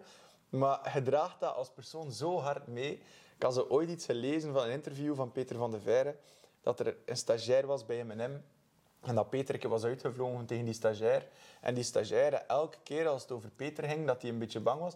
Peter zei ook, ik was al lang vergeten. Was in de moment. En eh, dat was dan, ze hebben daar een keer een item over gedaan, denk ik, op M&M lang geleden. Maar dat Peter toen ook zei, als BV Ja. besef je niet altijd wat voor een impact dat je hebt op, op, eh, Op mensen. op mensen Ja. in general. En dat is iets dat ik wel ook altijd wil meenemen of zo. Absoluut. En ik denk ook dat dat mooi is dat je zoiets meemaakt. Want eh, en ik denk dat dat voor iedereen opgaat. Maar dan zeker voor mensen als ons. Die voor een deel ook onszelf moeten zijn binnen onze job. En niet die een rol binnen een bedrijf gewoon vervullen. Ja, klopt. Omdat de, maar sowieso is dat wel ook voor iedereen van toepassing, denk ik. Maar de feedback dat je krijgt, is professionele feedback en geen persoonlijke feedback. Ja, ja. En ik ben dat bijvoorbeeld ook nooit gewoon geweest om professionele feedback te krijgen. Of toch heel weinig, omdat ik altijd voor mezelf heb gewerkt. Ik heb Hmm. nooit iets anders gekend. Het eerste jaar dat ik alleen woonde en niet meer naar het middelbaar ging, heb ik een bijberoep ehm in eh, zo wat de, de boutiques en knokken gewerkt. Twee, drie dagen. En dan ben ik een hoofdberoep gegaan. En ik, nooit heeft er mij iemand professionele feedback gegeven. En dat is Ja. zo gemakkelijk. En zeker ook voor mensen als wij die zo open en bloot en we zijn onszelf en het kan niet op en bla bla bla. Als je dan professionele feedback krijgt, is dat ergens ook een vorm van kritiek op je persoon. En daarmee heb ik ook een probleem met mensen die zeggen van, ah, als freelancers, hey, we zitten hier allemaal, drie mensen in de kamer, als freelancer van, je moet je waarde vragen. Ik vind dat een hele slechte verwoording, omdat je waarde als mens, ja, natuurlijk je professionele Ja. waarde moet je vragen, maar heel veel mensen gaan dat internaliseren als, dat is mijn waarde als persoon. Ja, ik snap je. En uw waarde als persoon kan niet gemeten worden in geld of in bevestiging of wat dan ook. En het Nee. is ook zo belangrijk om inderdaad te weten van dat is professioneel. Maar zelfs binnen die, die, allee, dat professioneel segment... Het is niet omdat dat iemand zijn ding niet is. Natuurlijk, soms moeten we groeien bij, bij, allee, binnen bepaalde dingen. Hebben we die feedback ook nodig en dat is belangrijk. Maar dat wil niet zeggen... ehm, dat licht is weer taking me away. Prachtig. Misschien moet jij het aanvullen wat ik zeg. Ah ja, oeh, nog moeilijker. Dan heb ik nog een glas wijn nodig, denk ik, om op jouw level te komen. Kapder, kapder, kapder. Ja, hij wordt aan babbelen, hè. Ja, ja, de professionele feedback, dat dat niet op je persoonlijk is, dat dat belangrijk is om dat, om dat te leren onderscheiden. En ook te weten van, als je feedback krijgt, professioneel, dat dat niet iets is dat je moet interna... Ik heb nu op vijf verschillende manieren hetzelfde gezegd. Ja, maar dat doet er niet toe. Ja, Het is duidelijk. woensdag. Mag, mag. Nee, maar ik snap wel wat je zegt, want dat is inderdaad iets dat... eh, dat, is, dat is, je kunt het van twee kanten bekijken. Als persoon die feedback krijgt, moet je het niet persoonlijk pakken. Maar als eh, werkgever, als feedbackgevende, kan je daar ook ergens een beetje rekening mee houden. En niet per se in de moment, want ik vind werk is werk. Weet je, iedereen moet gewoon zijn job doen. Doe je job en als je je job niet course. doet, ja, moet je het plaatsen. Dat is hoe dat werkt. Dat is gewoon zo. Ehm, maar dat vind ik wel... Ik zou dan bijvoorbeeld, stel... Eh, je vliegt uit tegen iemand of, of je wordt kwaad omdat er iets echt fout Ja. ging of whatever. En eh, dan is het mijn taak om dat te zeggen. Ik probeer altijd mijn woorden te wekken naar wegen. Ik probeer dat altijd te doen omdat, omdat ik weet dat uitvliegen, eh, dat zit niet in mijn karakter. Eén. En twee, die- dat heeft veel meer negatieve impact dan positieve impact. Natuurlijk, en opnieuw, zeker binnen... eh, en oké, iedereen is maar een mens, maar binnen de functie van een, een werkgever of iemand met een bepaalde autoriteit... Mhm. Vind ik dat dat nog altijd extra belangrijk is om als leidinggevende je niet te laten leiden door je emoties. Want dat is iets persoonlijks. En als er iets weg moet blijven van dat professioneel vlak, dan zijn het wel die emoties. Maar, akkoord, maar ik vind ook wel persoonlijkheden verschillen. En er zijn vaak, werkt, ja, ja. één en twee, vaak de mensen die hoog aan de top komen, zijn vaak mensen die daar gekomen zijn door heel goed te weten wat ze willen, recht ja. door zee, op tafel kloppen en zeggen zo en niet anders, want dit en dit en dat en we willen kwaliteit. Punt. Dus ik kan ergens ook wel plaatsen dat mensen in die positie geen zin hebben om constant rekening te houden met jouw emoties, bij wijze Ja. En dat, dat hoeft dan voor mij ook niet. Dus ik, ik, ik probeer dat wel altijd te doen. Maar goed, als, dat, als, als hij iemand zegt die dat niet doet, hoeft niet. Dan is het aan ons om dat niet als feedback krijgende, om Ja. dat niet, niet persoonlijk te pakken. Maar dan vind ik wel dat er moet nog een gesprek mag komen zonder die emotie of zo. Snap je wat ik bedoel? Dat je ja. daar even, en dat moet geen gesprek zijn, niet zo, kom, kom, we gaan een keer babbelen, maar gewoon eh, de volgende dag, kijk, ehm, eh, wat gisteren gebeurd was, was niet oké. Eh, dus ik heb er mijn ding over gezegd, we hoeven daar niet meer over te beginnen. Maar vooral duidelijkheid, dat is puur professioneel. Hè. Ik heb geen probleem met jou. Ik wil gewoon dat je je job goed doet. Het is een bedrijf, we werken op die manier en die manier. En dat bolt pas als iedereen zijn of haar rol goed vervult. Eh, dus ik verwacht hetzelfde van jou. Punt. En dat je dat gewoon zo zegt, dan denk ik dat die persoon ook wel makkelijker gaat kunnen plaatsen. Of dat minder snel... Of dat er ook nog een last van de schouder ja, gaat vallen. Inderdaad. Snap ik bedoel? Maar opnieuw, allee, je kunt van zoveel kanten bekijken. Want ik ben wel iemand die van principe is. En ik zei dat daarnet ook bijvoorbeeld als je eh, iets wil doen in de media of whatever. If you can't take the heat, stay out of the kitchen. Als je geen kritiek of commentaar of haat wil krijgen, ook op professioneel vlak. En dat is niet alleen binnen de media, dat is ook binnen heel veel...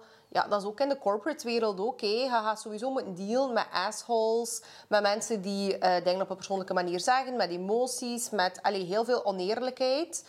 En dat is ook gewoon een onderdeel van de wereld, want de wereld zit ook niet eerlijk in elkaar. Maar dan gewoon, ik zeg het puur voor mezelf, omdat ik dan in dat eh, jaar dat ik in bijberoep ben geweest, en dat was dan in de boutiques, en ik dacht altijd van, oh, I love it, ik ga mij daar zo in amuseren. Dat is zo even tussen de kleren, ik ga mensen helpen en nee, nee, nee. Maar dat, dat was zo'n eh, toxische eh, omgeving. Zo toxisch en ook totaal niet mijn ding. Like, mensen helpen is echt, op dat of toch niet met ouder kleren, is echt niet mijn roeping. Ik heb dat toen echt wel ontdekt. Dat ik eigenlijk echt mensen bij haat. Je haat mensen? ik haat mensen. Oké, Je haat mensen Niet in- altijd in- en niet allemaal, Je haat mensen in boutique en knokken. Ja, wel. Veel mensen daarvan. Niet iedereen, maar heel veel wel. Ja. Like, leave me the fuck alone. Koop je kleren. Doe voort. Zou je herneke een goed boekje lezen? Het wat dat gaat over het leven, zelfvertrouwen, de liefde, positiviteit. Dan heb je vrij veel chance, want ben juist bezig met een te schrijven. En hoe gaat dat doen? En wat, dan ga ik nog niet aan je neus aan. Als je de eerste wilt zijn voor dat te weten, ga je op de waitlist moeten zetten. Op anastasiasclubhouse.com Maar ja, over wat gaat dat dan? Ah, maar ja, over mijn leven niet. Alles dat ik heb meegemaakt. Het is een beetje een kluchtige verhalenbundel. Maar ook een survival hit en een tragicomische biografie. Je gaat nog een beetje verschieten dat je dat leest.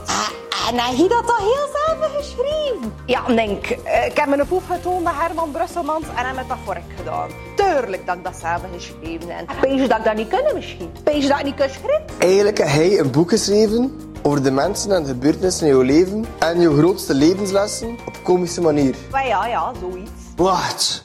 Gaat dit fucking boek over ons? Ehm, maar dan dacht ik wel zo, hoe dat sommige leidinggevenden zo mij of andere mensen hebben behandeld, dat is echt niet the way to go. En als ik ooit eh, mensen, is dat gewoon maar freelance, moet behandelen of omgaan met mensen, dan ga ik dat echt doen op een respectvolle manier, uiteraard. Ik ben een gigantisch perfectionist en het gaat op mijn manier moeten zijn. Maar dan denk ik ook van, er zijn daar ook gewoon consequenties in, zonder dat ik iemand moet persoonlijk aanvallen. En oké, iedereen is menselijk. En de dag dat ik dat doe, like of dat hij zegt, ga ik me wel gaan apologizen of ga ik daar wel nog een gesprek over Het gaat zelfs niet over apologizen. Ik vind niet dat je in die positie zelfs moet apologizen. Ik vind, Allee, tenzij dat je er los Ja, maar als iemand zo fucking personal, zo van, jij nee. bent de fucking kuthoer die Nee, dat hier niet goed gedaan heeft. Tuurlijk, als je dat zou zeggen, dan zou ik me wel apologizen. Want dat ik- gebeurde wel in die winkel. Ja, oké, oké. Nee, als je, als je als, als je kuthoer genoemd wordt omdat je je kleren niet goed hebt opgevangen, We gaan, dan- dat, we gaan dat editen, zo Erik van Looy heeft gezegd. Dat ik een kuthoer ben die haar kleren... Nee, nee, maar... maar ehm, nee, dat, dat, Oké, ja, in dat geval Ja. natuurlijk. Je erover gaat, extreme, apologize, ja. zo simpel is het. Maar ik vind ook heel vaak, en dat is een beetje een ding van vandaag, heb ik de indruk, we zijn veel lichter geraakt dan vroeger. En Ja. dat is perfect oké, eh, want, want ik vind dat we rekening moeten houden met mekaars gevoelens, maar het mag niet gaan naar... naar ehm, Een verkleutering van de ja, wereld. omdat, like, ik ga- stom voorbeeld, Natalia is iemand, dat- ik kom daar super goed mee overeen. Ik ben er heel, veel, heel vaak samengewerkt voor de, voor de Voice. Natalia is iemand die heel goed weet wat ze wilt. En die, het ook, die, gaat, die gaat zeggen, wat dat is. Ze neemt geen blad voor de mond.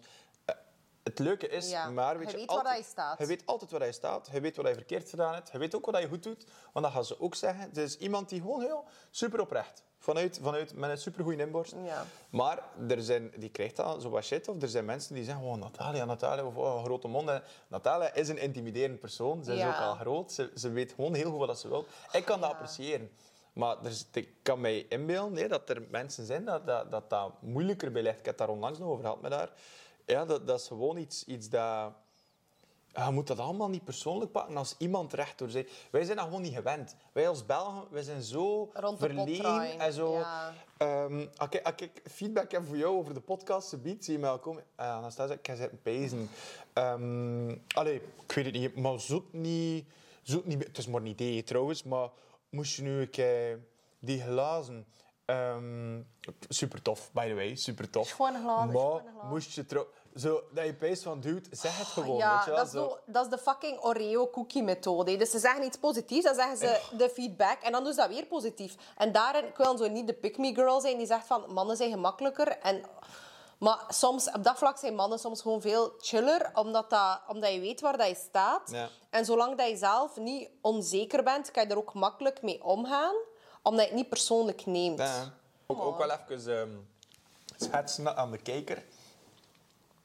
Dat ik kwaad keek, maar dat dat vaak met licht is en dat dat ook een beetje mijn, mijn general facial expression is. Want ik heb zo heel vaak... Ja, ik, ik, ik, ik zie mezelf als een sympathieke, toegankelijke gast. Kerel, ja. Maar, maar heel vaak hoor ik van mensen die mij niet kennen van... Toen ik het begin leren kennen, ik dacht echt... Of toen ik Dat is elder poor Nee, nee, I know, I judgment. know, I know. Maar, maar, maar ehm, als je me niet bezig ziet als opwarmer... Ja, je ziet me lopen, like vroeger op de bus. Ik heb een koptelefoon op en ik ben in mijn eigen zone. Tuurlijk. Dan snap ik wel dat ik anders overkom of zo. En dan denk ik van, ah ja, dat is raar eigenlijk. Dus ik wil dat even... Voor, Ik heb dat ook altijd, maar ik vind ook op dit punt in mijn leven, ben ik nu 30, eh, ik vind dat we er mogen verwachten van de medemens dat ze toch die, dat inschattingsvermogen hebben, dat niet iedereen erbij loopt, like die fucking... Maar dat gaat ook niet, dat gaat ook niet om, om over Ja. verwachting of zo. Dus, is- mensen verwachten. Ik kreeg dat ook heel vaak van, ah, maar je kijkt zo vies of een ding, maar dan denk ik van... Ik ben bijziend om te beginnen alleen al. En ten tweede, ja, weet je toch niet wat er aan het gebeuren is in mijn persoonlijk leven? Nee, nee, dat is waar, dat is waar. En dan plus, kom het me zeggen, ik ga wel vriendelijk zijn, hè, maar... ik Ga wel, Zo, ook zo, kom het me zeggen, kom maar vriendelijk zijn, hè. Wat dus? Zeer, Ja, maar dan Nee, maar ik ook zeer van, toegankelijke Ik dacht echt dat je zei bitch was. Ja, sorry, maar wie zegt er dat ook tegen niemand? Dat vind ik echt... Je hebt poor judgment. Ja. Je hebt poor judgment en hij projecteert je onzekerheden op mij.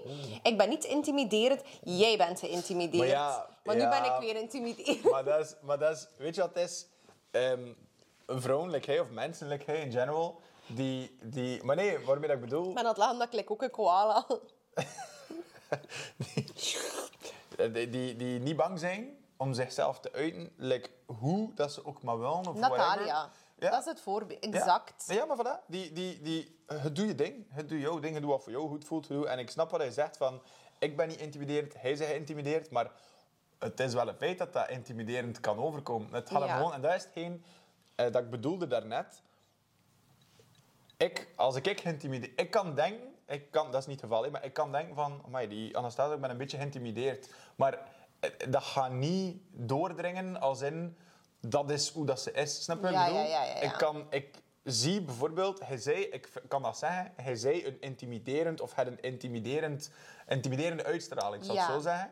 Ehm, maar dat is niet wie dat je bent. Snap je wat ik bedoel? Nee, dat is waar. En dat ja. vind ik een nuance. En ik denk dat daar het verschil ligt tussen mensen. Van, want je zegt, eh, ik ben niet intimiderend. Je bent wel intimiderend, maar hoe hard dat je dat een rol laat spelen... Mijn persoon komt intimiderend over op mensen, of allee, Ja. mensen van geïntimideerd. Ja, inderdaad, maar het is, dat gewoon, allee, het is gewoon het feit van... Ik ben 30. Ik ga er heel mijn persoonlijkheid van maken. Nee, nee, maar dat is echt... Dat is nu zo stom, hè, maar dat is echt, dat is echt belachelijk. Maar ik ben nu echt 30 en ik kan echt zoveel dingen anders beginnen bekijken. Ik heb zoveel... Dat, is- dat is stom, hè. Dat zit misschien echt in mijn kop. In welke zin? Maar ja, gewoon hoe dat ik de wereld zie, hoe dat ik mezelf zie. Dat is misschien ook gewoon omdat ik dat boek nu aan het fucking schrijven ben en dat ik zo dingen aan het samenvatten ben over mijn leven en wat ik eruit gehaald heb. Maar ik, ik zit ook zo goed in mijn vel. Ik heb nog nooit zo goed in mijn vel gezeten. Ook, ik heb ook nog nooit mij zo kind gevoeld. Ik heb mij nu het meest... De la- laatste twee jaar heb ik mij het meeste kind gevoeld. Maar nu met het piek van... Ik voel me echt heel goed in mijn vel. Ja. Ik voel mij heel comfortabel met eh, wie dat ik ben hoe dat ik eruit zie, dat, dat kan niet gereduceerd worden tot met schmink of zonder schmink. Ik vind dat heel oppervlakkig. Eh, maar ik ben blij met mijn bijdrage in de wereld en hoe dat ik mijn leven zelf invul. En er zijn nog heel veel dingen om aan te werken. Er zijn ook heel veel leuke Dat dingen dat ik wil doen. altijd. Ja. Veel schaduwkanten dat ik moet aan me- Maar ik ben, comfortabel ook mee, ik ben meer comfortabel ook met mijn schaduwkanten. Mhm. Maar waaronder ook het feit dat ik ook wel vind van... Ik ga mij niet blijven constant excuseren voor het feit dat ik intimiderend overkom. Maar ja, maar dat is... Nee, ik moet dat niet doen. Dat is niet, nee. punt. Ik moet dat niet doen. Maar dat is wel iets waar dat ik vroeger veel in gekropen was. Ja. Om mezelf zo laagdrempeliger te maken.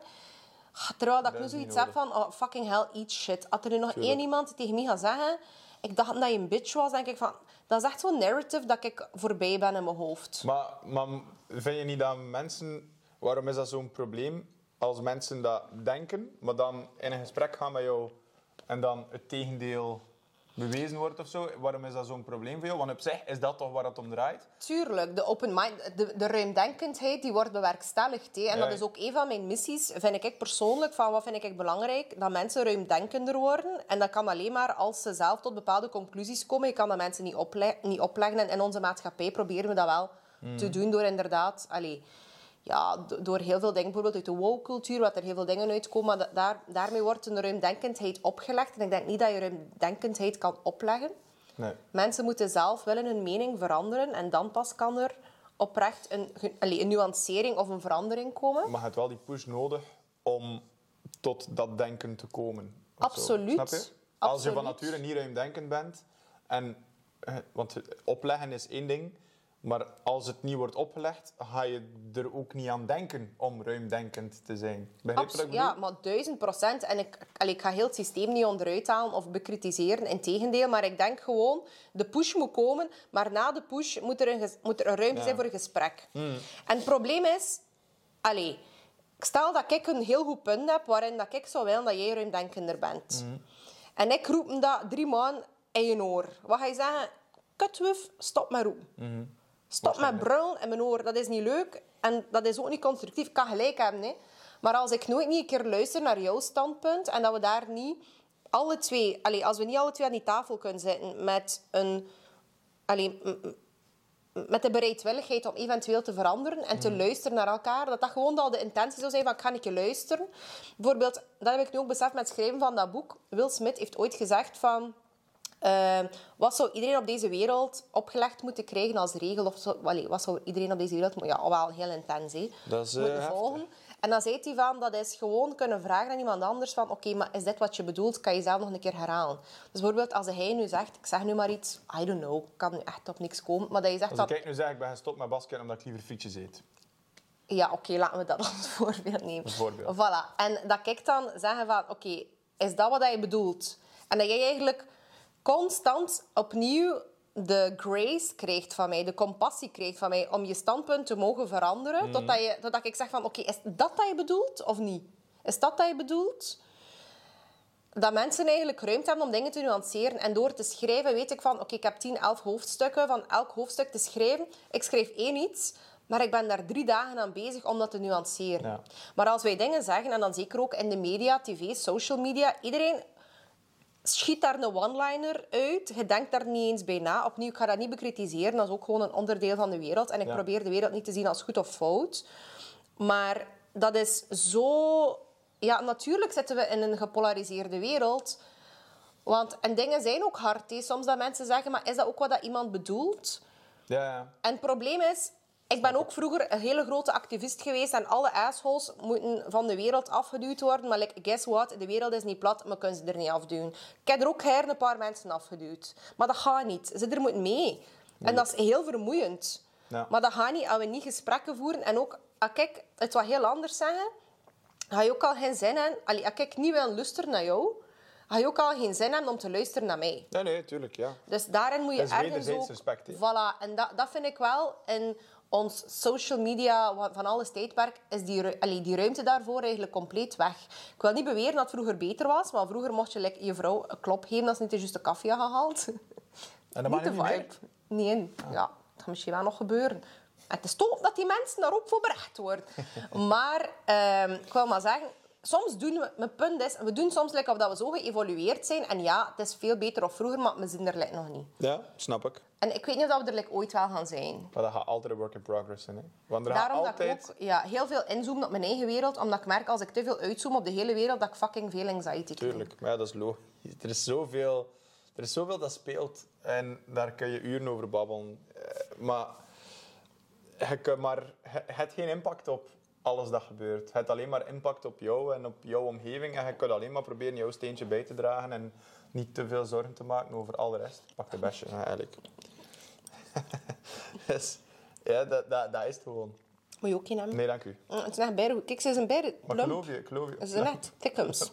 Ah, nou, eentje, eentje. Omdat je zo aandringt. Maar dat, ik- nee, die, die was veel beter. En dit moet ik, niet, ik moet hem nu weer leggen. Ja, maar ik ga hem wel opeten, want ik vind dat dan erg voor die kerel. Voor, voor die kerel? Ah, voor, die, voor de best? Ja, zover reikt mijn empathie voor de wereld. Wauw. Deze podcast werd mogelijk gemaakt door Zwevenzelen. Zeg, en is dat dan gesponsord? En ja, denk ja, ik zou beter bellen naar lieve de burgemeester. Maar we zitten hier wel in Zwevenzelen. En we zijn dat hier serieus op de kaart aan zetten. Kaart, kaart, one kaart, dan kaart, kerstkaart. En ook iedere BV die naar hier heeft moeten afzakken, heeft een ongelofelijke ervaring beleefd. Het zijn like heel nieuwe mensen. Een heel nieuw perspectief op het leven. Maar vind toch, ik heb hier al veel verloren gereden tussen die patattenvelden, hè. En ja, maar je moet niet naar Zwevenzelen komen voor de Zwevenzelenaars te steunen, niet? Ah, jongens. Ah ja, ja. En het is al zo dat ik dat hier al kunnen betalen. Weet je wat dat kost, al die BV's? Dat kost stief veel geld. Jullie eens zeggen. Op anastasiasclubhouse.com kun je zo van die geestige merch kopen. Also een tassen voor je koffie te drinken. Of also misschien een t-shirt of een toffe baai. Ah, ik vind dat ik nog meer geld in een warm ook. Ah, Het zal wel zijn. Je gaat maar zeer naar de site en allemaal je kaarten boven. Je kunt zelfs met alle creditcards betalen. Zeg, en hij heeft dan een kortingscode voor ons? Ja, nee. Het is crisis voor iedereen. Als je het wat koopt, moet het zijn omdat je het samen hebben ziet. Allee, hou. Ga maar naar de site. Dus Kelly die vrouw die ook zei van we moeten minder teer zijn. We zijn, Stil, mijn brein is echt eh, super scrambled. Maar dus haar boek noemde... If you have to cry, go outside and other things your mother never told you. En inderdaad, we moeten meer compassionate leren zijn, meer compassie hebben. Nederlands gaat ook. Ehm, maar aan de andere kant, de wereld gaat niet morgen heel chilly-willy zijn. En op den duur, die compassie mag ook geen entitlement worden. Wat ik wel vind, dat er nu gewoon heel veel is. Dat is het idee dat je denkt dat je ergens automatisch recht op hebt. En dat iedereen zich zomaar moet aanpassen aan jou. Want like, fucking wake-up call, dat gaat echt niet gebeuren. En je kunt daar kwaad om zijn. Je kunt like, stampen met je voeten, like een kleuter. Maar it's not gonna fucking happen. En als je wilt succesvol zijn of vooruit gaan in je leven, en je moet aanvaren... Like, ja, de wereld is soms intens. En soms ga je inderdaad een keer moeten blijten of een duw krijgen. Maar like, daar moet je ook een beetje tegen kunnen. Klopt. Toch? Ja. Noah, ja. Het is oké. Er wordt Dat is de, de, de gezapige, informele Ja, ja. hype van deze podcast. Hoi. Perfect. Ik vind het gezellig. En wijn met ijsblok. Dat hebben mensen nog meer nodig. ja. En zo pees ik niet meer zat. Wat zeg je? Zo pees ik zie het minder zat. Ah, Zit als je ijsblok in. doet. Ah, ja, oké. Ja. ja. Zit wel een beetje water bij de wijn doen. Hela. Leven moet je een beetje Ah, water Sorry, bij de ik ga niet laten Het was een keer, ja, maar nu ga ik het duidelijk maken. Hè, Ja, ik wil. Waar dat er ook beter zou zijn, maar dat ik daarnet dat zei. Misschien moeten we dat doen. Maar wacht, doe ik zo? Doe ik zo naar mij? Doe ik zo? Oh nee. Dat... Wauw. Dat is lang geleden dat ik dat nog een keer gedaan heb. Heb je dat ooit gedaan? Het zal nog niet zijn, maar voor de grap. Altijd voor de grap. Eigenlijk is dat hetzelfde. Nu doe het ook Het is voor de hier grap. al voor te lachen. Al Ja. voor te lachen. Het is hier niks serieus. Nee, het is wel voor te lachen, maar niet voor te lachen. Maar ehm, om even terug te keren op het feit van je gezin en hoe je bent Mm. opgegroeid Mhm. en alles. En het feit dat je ook authentiek jezelf bent, of toch probeert te zijn in de te mate zijn, van het mogelijke, zonder dat iedereen jou aanvalt van links of rechts. Word je veel aangevallen eigenlijk? Val goed mee. Nee, daar heb ik eigenlijk weinig, eh, weinig last van. Er ik, denk dat dat vroeger meer was. Maar dat dat ook meer kwam door... allee, toen ik nog in topsport zat. Ja. Dat dat meer kwam doordat ik ben niet een topsportprofiel. Ik ben een entertainend profiel. Ja. En dat was altijd al. En dan heb ik mijn eerste comedy show gedaan. Toen Maar en hoe kwam dat dan los van de frietjes? Wat zeg je? Dat je geen topsportprofiel was. Eh, puur persoonlijkheid. Ik ben, veel, ik ben veel creatiever dan iedereen daar. Iedereen Ja, daar ja, ja. leeft voor de sport. En ik wou ervoor gaan, maar ik wou ook zo kijken naar, naar neveneffecten en grappige tv-programma's. En, en opkijken naar en denken van, ah, dat vind ik super tof, dat zou ik ook willen doen. En ik had niet één goal of zo. Dat was Die van toen al. topsport kietelde gewoon niet alle goede kanten van je brein, die moesten gekieteld Maar worden. eh, dat is hetgeen dat we daarnet zeiden. Niks, niet één ding kietelt alle Ja. goede kanten. Maar door, door dat, ja, om het zo te zeggen, ja, je ik, ga verder, ik ga verder in jouw, in jouw eh, vergelijking. Maar, maar, maar eh, ja, mijn punt is meer, in de media kun je verschillende dingen doen en Ja. die dingen combineren waardoor dat alles gekieteld wordt. Ja, Versta je? 100 procent. En ik denk dat we daarin ook bij, bij gebrek aan opnieuw een goed Nederlands woord, dat we bij trailblazers moeten zijn. Wauw. Weet, dat, is een- dat is een basketploeg, hè? Wist je? Echt? Echt maar wat een fucking goede naam voor een basketploeg. Trailblazers. De trailblazers. En dat is iemand die de weg baant voor andere mensen. En inderdaad, niet iedereen is zo iemand. En dat maakt ook niet uit. Niet iedereen hoeft dat te zijn. Maar je voelt vanzelf van...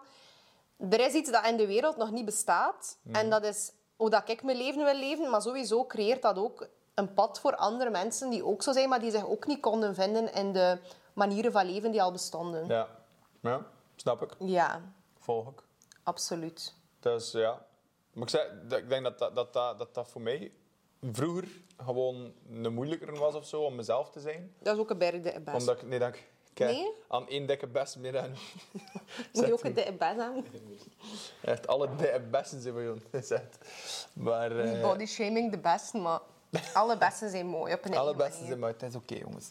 Maar ehm eh, hij leidt mij af in mijn best niet. Ja, Allee, ik bedoel, het, met ja. de ja, vooral duidelijkheid. Ja, maar dat hier niet.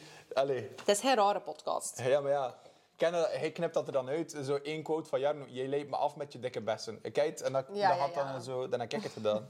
ja, hallo. Ik zag nu al kijken. Wat zegt hem nu? Ik zei, ik ga Die je jongen al lang genoeg mee in de media je te weten wat dat de valkuilen zijn. Hè. Hier een beetje van je wind drinken. En Rap straks een een beetje nek. kerstmuziek, dat je je dus voelt. En voordat je het weet, Voordat het weet wat, hè. hangt dat hier aan je, aan je een track record. Mijn dat, je de track mensen, dat je de mensen beschuldigt van je dikke voor. besten. Van dikke bessen Ja. dan. Nee, Nee. ik ga het niet doen. Maar ik weet ook totaal niet meer wat ik aan het zeggen was. Het is echt super... eh, Maar kijk dat, mijn brein is dat zo, wow, laat me daarover babbelen, maar ook daarover. En dan dat. En dan, dan zeg je, dan denk voel ik, ah, leuk, Ah, leuk. we gaan Daar wil ik nog op inpikken. ja. Dat was eigenlijk, laat het even weten aan mij, of dat dat like, terug de goede vibe is, of dat je liever de structuur hebt. Ik weet like, niet wat, wat ik wil met mijn leven. Wat Dat ik dikwijls een keer oké. ja. Ik denk dat we er allemaal wel een keer mee struggelen. Ach, Absoluut, ja. Ik vind ook, je kunt er ook maar eerlijk over zijn. Oh, ja, dat moet, je- Maar moet dus ik niet doen. de eerlijkheid, de authenticiteit. Authenticiteit. Het gezin waarin je bent opgegroeid. Je hebt ook dit jaar iets... Maar als je er niet over wilt babbelen, moet je er ook niet over babbelen. Je Geen hebt dit jaar je mama verloren. Ja. Je hebt daar ook super eerlijk... eh, ja, alles, alles of... Ja, waarschijnlijk niet alles, maar toch heel veel over gedeeld. Ja, Ehm, bewuste keuze. en wat ik zelf persoonlijk... Want we hebben er, we hebben er al een keer over gebabbeld. En ik heb dan zo wat dingen gaan bekijken. En voor mij is dat allee, super heftig, omdat ik zelf een mama ben. En omdat ik gewoon...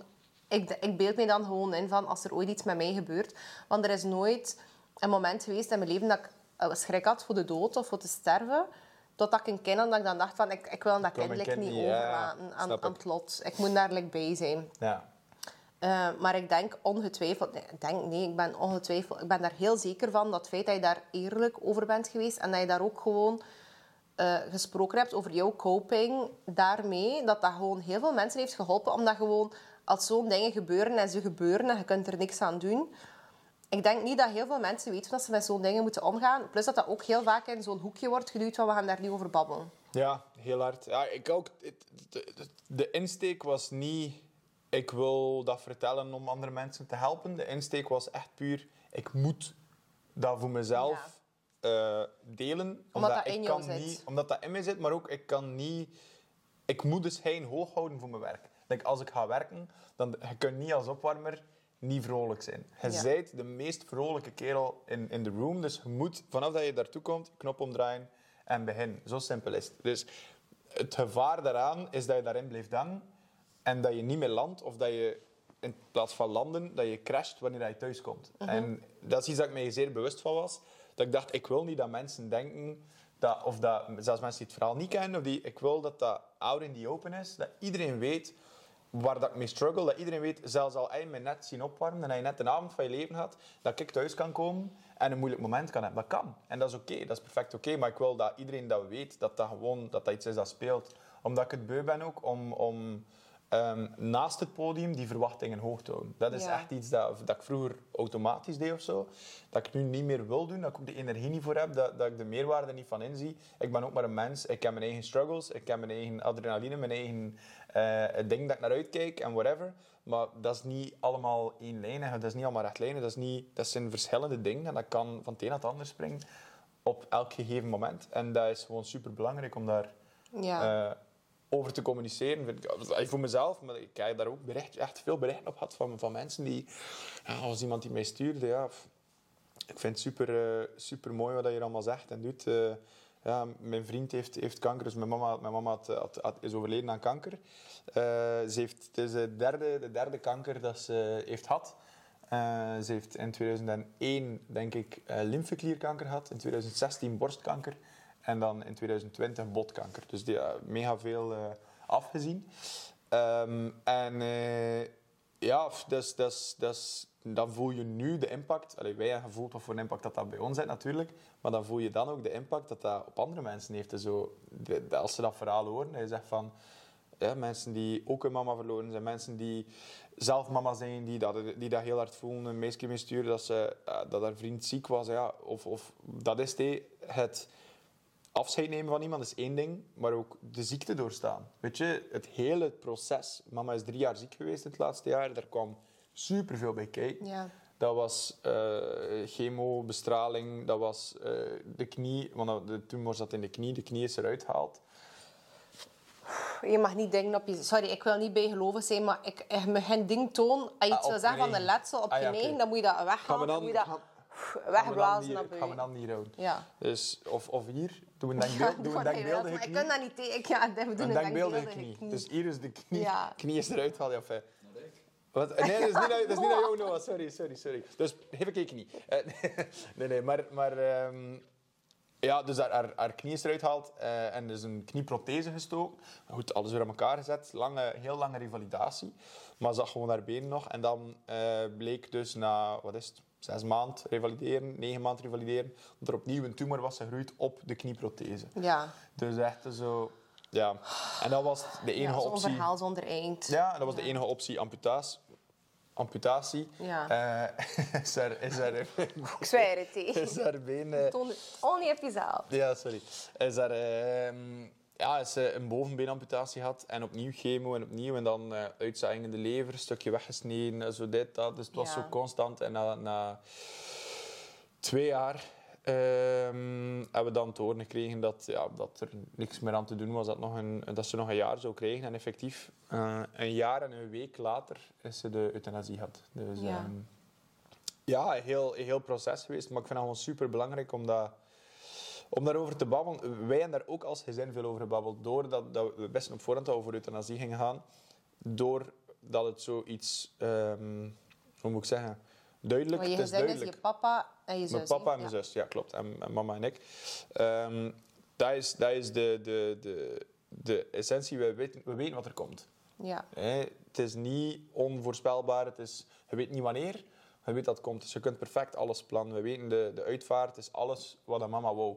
Alles. We, we kunnen met een super gerust gevoel zeggen, maar dat was echt een prachtige uitvaart. Dat is echt. Dus dat is, dat is al geruststellend. Maar ook in het hele coping. hè. Je coping start wanneer dat je weet dat je afscheid gaat moeten nemen. Dat begint niet wanneer ze er niet meer is. Dat begint vanaf dat je weet, shit, nog een jaar. Je leeft dat jaar super anders. Ja, tuurlijk. Dat is een heel andere, andere vibe. Is dat ook Ehm, niet dat je dan soms misschien schuldig voelt dat je niet meer plezier hebt of dat je niet meer geniet of wat dan ook? Of... Dat zou ik persoonlijk dan hebben. Maar ik ben ook iemand die heel moeilijk zo controle en zo kan loslaten. Dus ik zou daar... Iedereen projecteert zo wel zijn eigen angsten en zijn eigen ding zo op mensen die iets meemaken. Of bijvoorbeeld als iemand kijkt naar iemand die bijvoorbeeld een handicap heeft, zo van, oh, die moet in een verschrikkelijk leven hebben, terwijl dat die mensen dat soms misschien... Ja, dat is het, het voordeel van hoe dat wij daarmee omgingen. Ehm, we waren super open, maar mama heeft ook heel duidelijk, super duidelijk gezegd. ehm, eh, of, of ik ga het zo zeggen, wij voelden ook, of ik voelde zeker, dat zij ook wel oppeppers kreeg van goed nieuws van ons. Ja. Dus het is niet dat wij... Het, het was tegenovergestelde eigenlijk van oh, we mogen nu ook niet, want mama kan niet. Nee, het was echt van please do, want dat is nog een beetje de energie dat ik daar ook kan Ja. uithalen of zo. En wij maakten plezier, hè. wij deden tripjes en mama in de rolstoel en we, we, we, wat we er leuten als ze op de traplift zat. Ja. Waar ik ook dwaas aan toen. eh allee, de- constant probeerden wij overal wel de humor van in te zien of zo. En dat is iets dat we altijd hebben gedaan en dat we altijd gaan blijven doen. Ehm, dat voelde ook de enige juiste manier of zo om daar, om daar mee om te gaan. Maar dat geeft gewoon vooral ook een soort van, hoe moet ik zeggen, ehm, rust of zo. Dus meer, meer, je voelt geen druk om iets te moeten doen. Het is echt zo, het is, het is oké zo, zo was het, zo is het, dat is super kut, daar kunnen we niks aan doen. Ehm, en want dan waren we anders gezien. Maar zo is het echt oké. We hebben alles besproken wat we moeten bespreken. We weten perfect wat. Ja. Dus dat is, dat is gewoon een, een... Daar ben ik super dankbaar voor. Dat we to- dat op die manier is kunnen lopen. Ja, wat je zegt ook van, het is niet dat je erom gedaan hebt om andere mensen daarmee te helpen of zo. Het is inderdaad iets dat je deelt bewust, voor jezelf. Maar ik denk dat dat ook, als ik het een klein beetje spiritueel mag bekijken, en soms ben ik wel bij spirituele bitch, ehm, ik denk gewoon dat dat ergens ook een missie is dat je meedraagt als iemand die het geschenk heeft gekregen van een bepaalde vlotheid of een bepaalde... Ja, het feit dat je communicatief bent en dat je bepaalde dingen, eh, bepaalde emoties en woorden kan brengen. Want ik ben bijvoorbeeld... Mijn man is iemand... Wij zijn nu tien jaar samen en ik heb daar echt... We hebben daar zoveel samen aan gewerkt om die ehm, communicatiever te maken. Omdat hij gewoon van thuis uit en gewoon omdat hij is gebouwd als persoon. Die, dat is iemand die echt niet gemakkelijk kan spreken over dingen. Die ook niet gemakkelijk zijn emoties onder woorden kan brengen. Maar als je inderdaad iemand kent of iemand volgt... En dat is iemand die bepaalde dingen dat jij ook ervaart onder woorden kan brengen. Dat je dat niet mag onderschatten hoe waardevol dat, dat is en hoe zinvol ook dat dat is. Want waar stopt jouw invloed dan ook? Want als jij daarmee, zelfs maar, ik zeg nu maar iets, je kunt daar vijf mensen mee helpen. Sowieso zijn het er veel meer geweest. Maar pak nu vijf mensen. En die vijf mensen gaan telkens ook in hun omgeving, onder de kerktoren bij wijze van spreken, ook mensen helpen.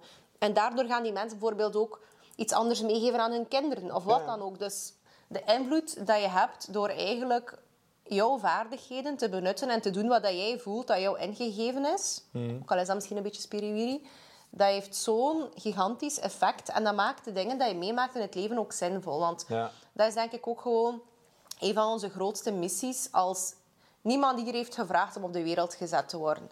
Maar we moeten er allemaal het beste van maken en we moeten er ook een beetje zin aan proberen te geven. Want anders, ja, voor wat is het allemaal? Ehm, en er is ook gewoon, allee, het feit, er zijn zoveel leuke, toffe dingen, maar vroeg of laat kom je in confrontatie met het feit dat er gewoon heel veel leed en smart en pijnlijkheid is. En dan moet je dat ergens ook gewoon beginnen verweven in dat tapijt. Het tapijt zoek ik het nu wel niet.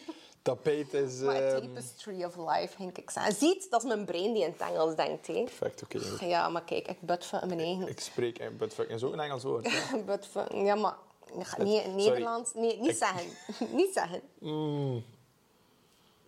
Nee, niet? Nee, echt niet. Noah wil dat ik het zeg. Ik weet het. Ik zie, ik zie hem wel zo... zo dat, die oogjes zo van... Gaat iets zeggen? Nee, in, maar en ook gewoon in. het feit dat jullie dat... Ik ga, ik ga niet zeggen dat je het met humor benaderd hebt, Jawel. maar wel met heel veel... eh, lichtheid. En daarin zit er ook... En ik denk ook zo... Soms zien we alleen maar ehm, de therapeuten en zo de serieuze aanpak van de dingen als helend. Maar er zijn zoveel meer andere dingen, zoals kunst, muziek, ehm comedie, die ook net zo helend kunnen zijn en net zoveel mensen kunnen redden, bij wijze van spreken. Absoluut. Ja, wij, wij naar aanloop van, van eh, ja, eigenlijk de, de afgelopen kerstkaartjes allemaal. We maakten altijd, mijn pa is fotograaf in bijberoep geweest. Ja, We lachen om een reden Ja. dat we niet gaan vertellen. doe er niet toe. Het is een insider. Ja, ehm, maar eh, eh, we maakten altijd een kerstkaart, we maakten altijd een foto van ons gezin. En dat was altijd met een kwinkslaar. Dat was altijd iets grappig, iets leuk. En helaas is dat de afgelopen jaren ehm, altijd iets ziektegerelateerd geweest. Bijvoorbeeld, ik herinner me, mijn mama net haar chemo had. En er zat geen haar op de foto. Dus dan hadden we zo... eh, ehm, best wishes en een happy new year. En dan zo year doorsproken voor happy new hair of zo. Oh, zo, ja. zo dat soort dingen. Is mega stom. Mijn pa was een keer naar de winkel geweest bij de boer en er was een of andere promotie. Ja, veel veel prijs mee. Maar echt, echt kunnen veel prijs. Dat je zegt, wat de fuck moeten we met al die prijs gaan doen? En we zeggen, we gaan het op ons kerstkaartje zetten. En dan hebben we gezet, met al die prijs, let's pray for a healthy... Maar zo, kijk, allemaal dat soort dingen. Dus wij zo mega veel... En dat was altijd, altijd, dat was een traditie. Ehm, is dat super tof dat we dat zo, zo kunnen, en, eh, kunnen doen. Ik, eh, ik kan nu... Maar we gaan dat niet... we gaan dat knippen. Gaan dat knippen. Ik zei dat tegen... Omdat papa... Nee, nee. Wat ik nu ga zeggen, gaan we knippen. Humor is wel de rode draad geweest in, in, in alles, denk ik. Ook aan je foto's dat je ook gepost hebt. Hè? Zo, en ik denk, allee, echt... Als het zo is, ik weet het ook niet dat het in elkaar is, maar als het zo is, en er, er zijn daar theorieën over, dat iedereen op deze wereld komt met een bepaalde...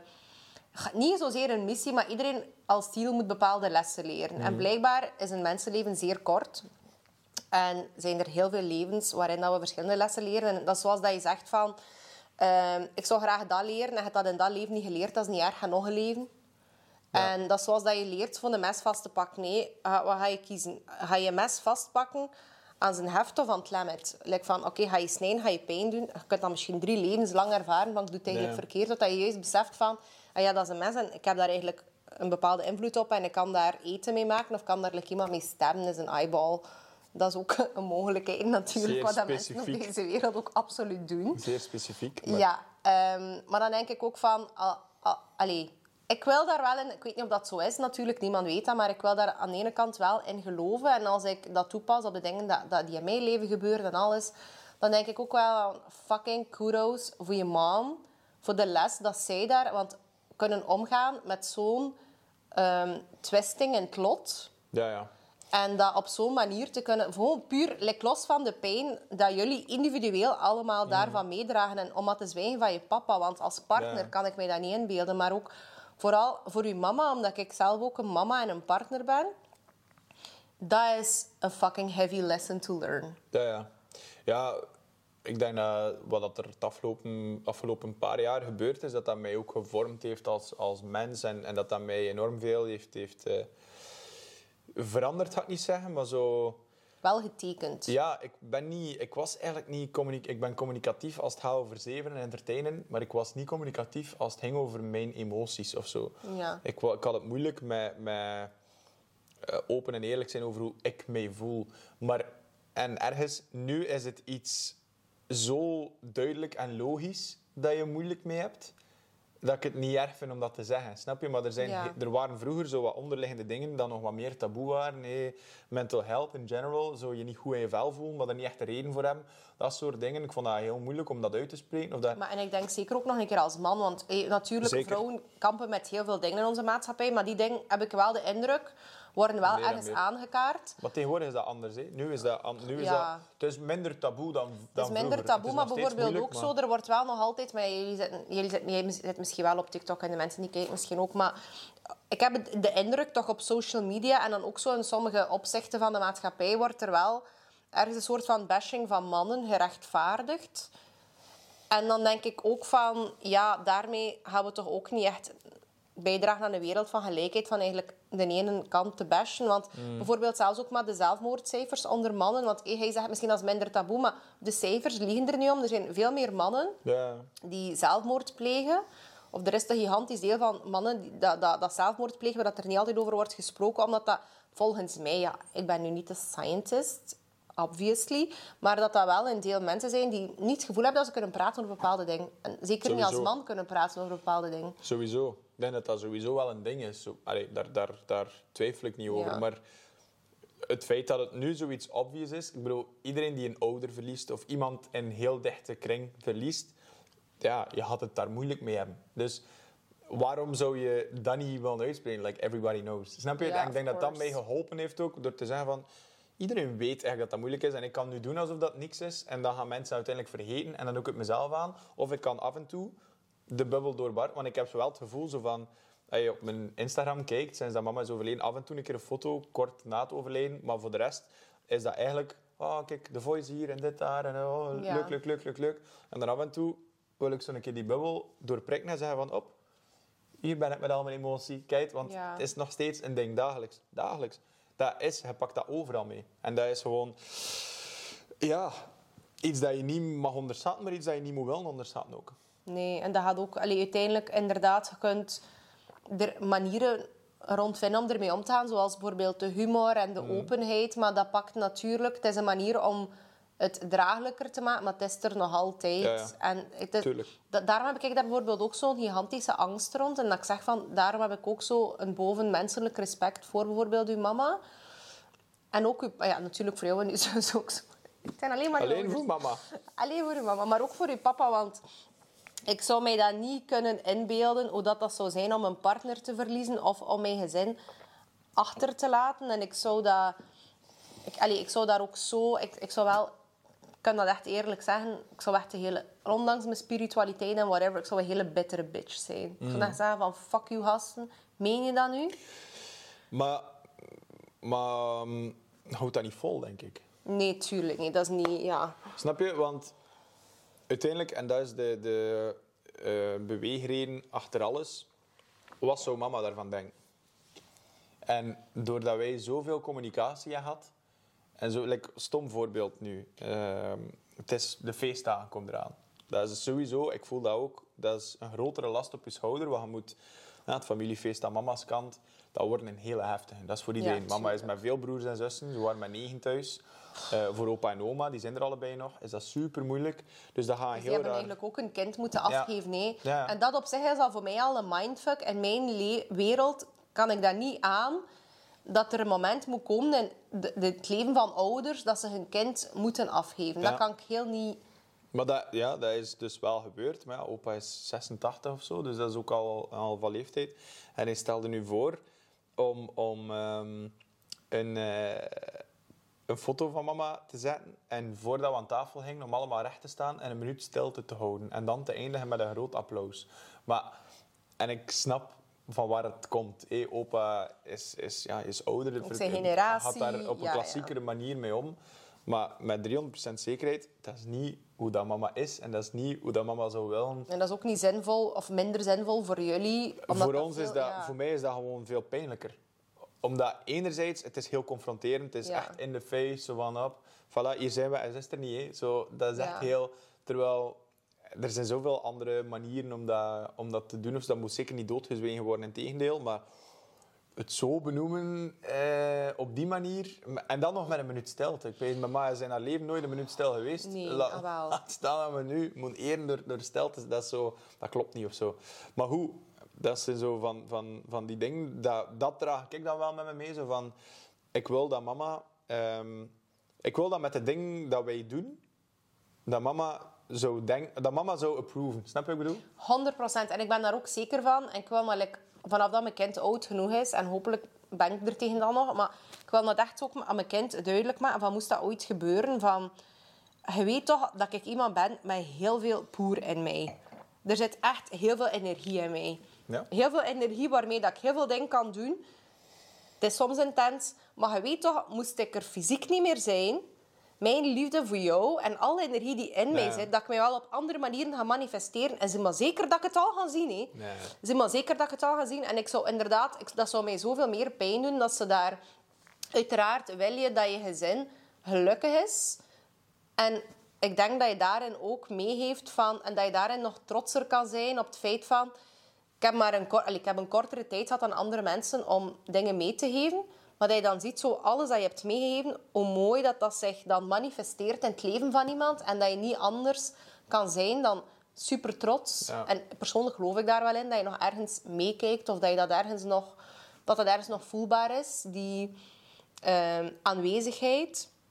Maar ik zou echt ook, dat zou mij veel meer pijn doen, dat ik zie dat, dat ze afzien als ze dat zo zien als zo'n... Want in de eerste podcast van dit nieuwe format heeft Fien, gesproken, eh Fien Hermijns gesproken over het feit dat zij in een ander leven graag een begrafenisondernemer zou geweest zijn.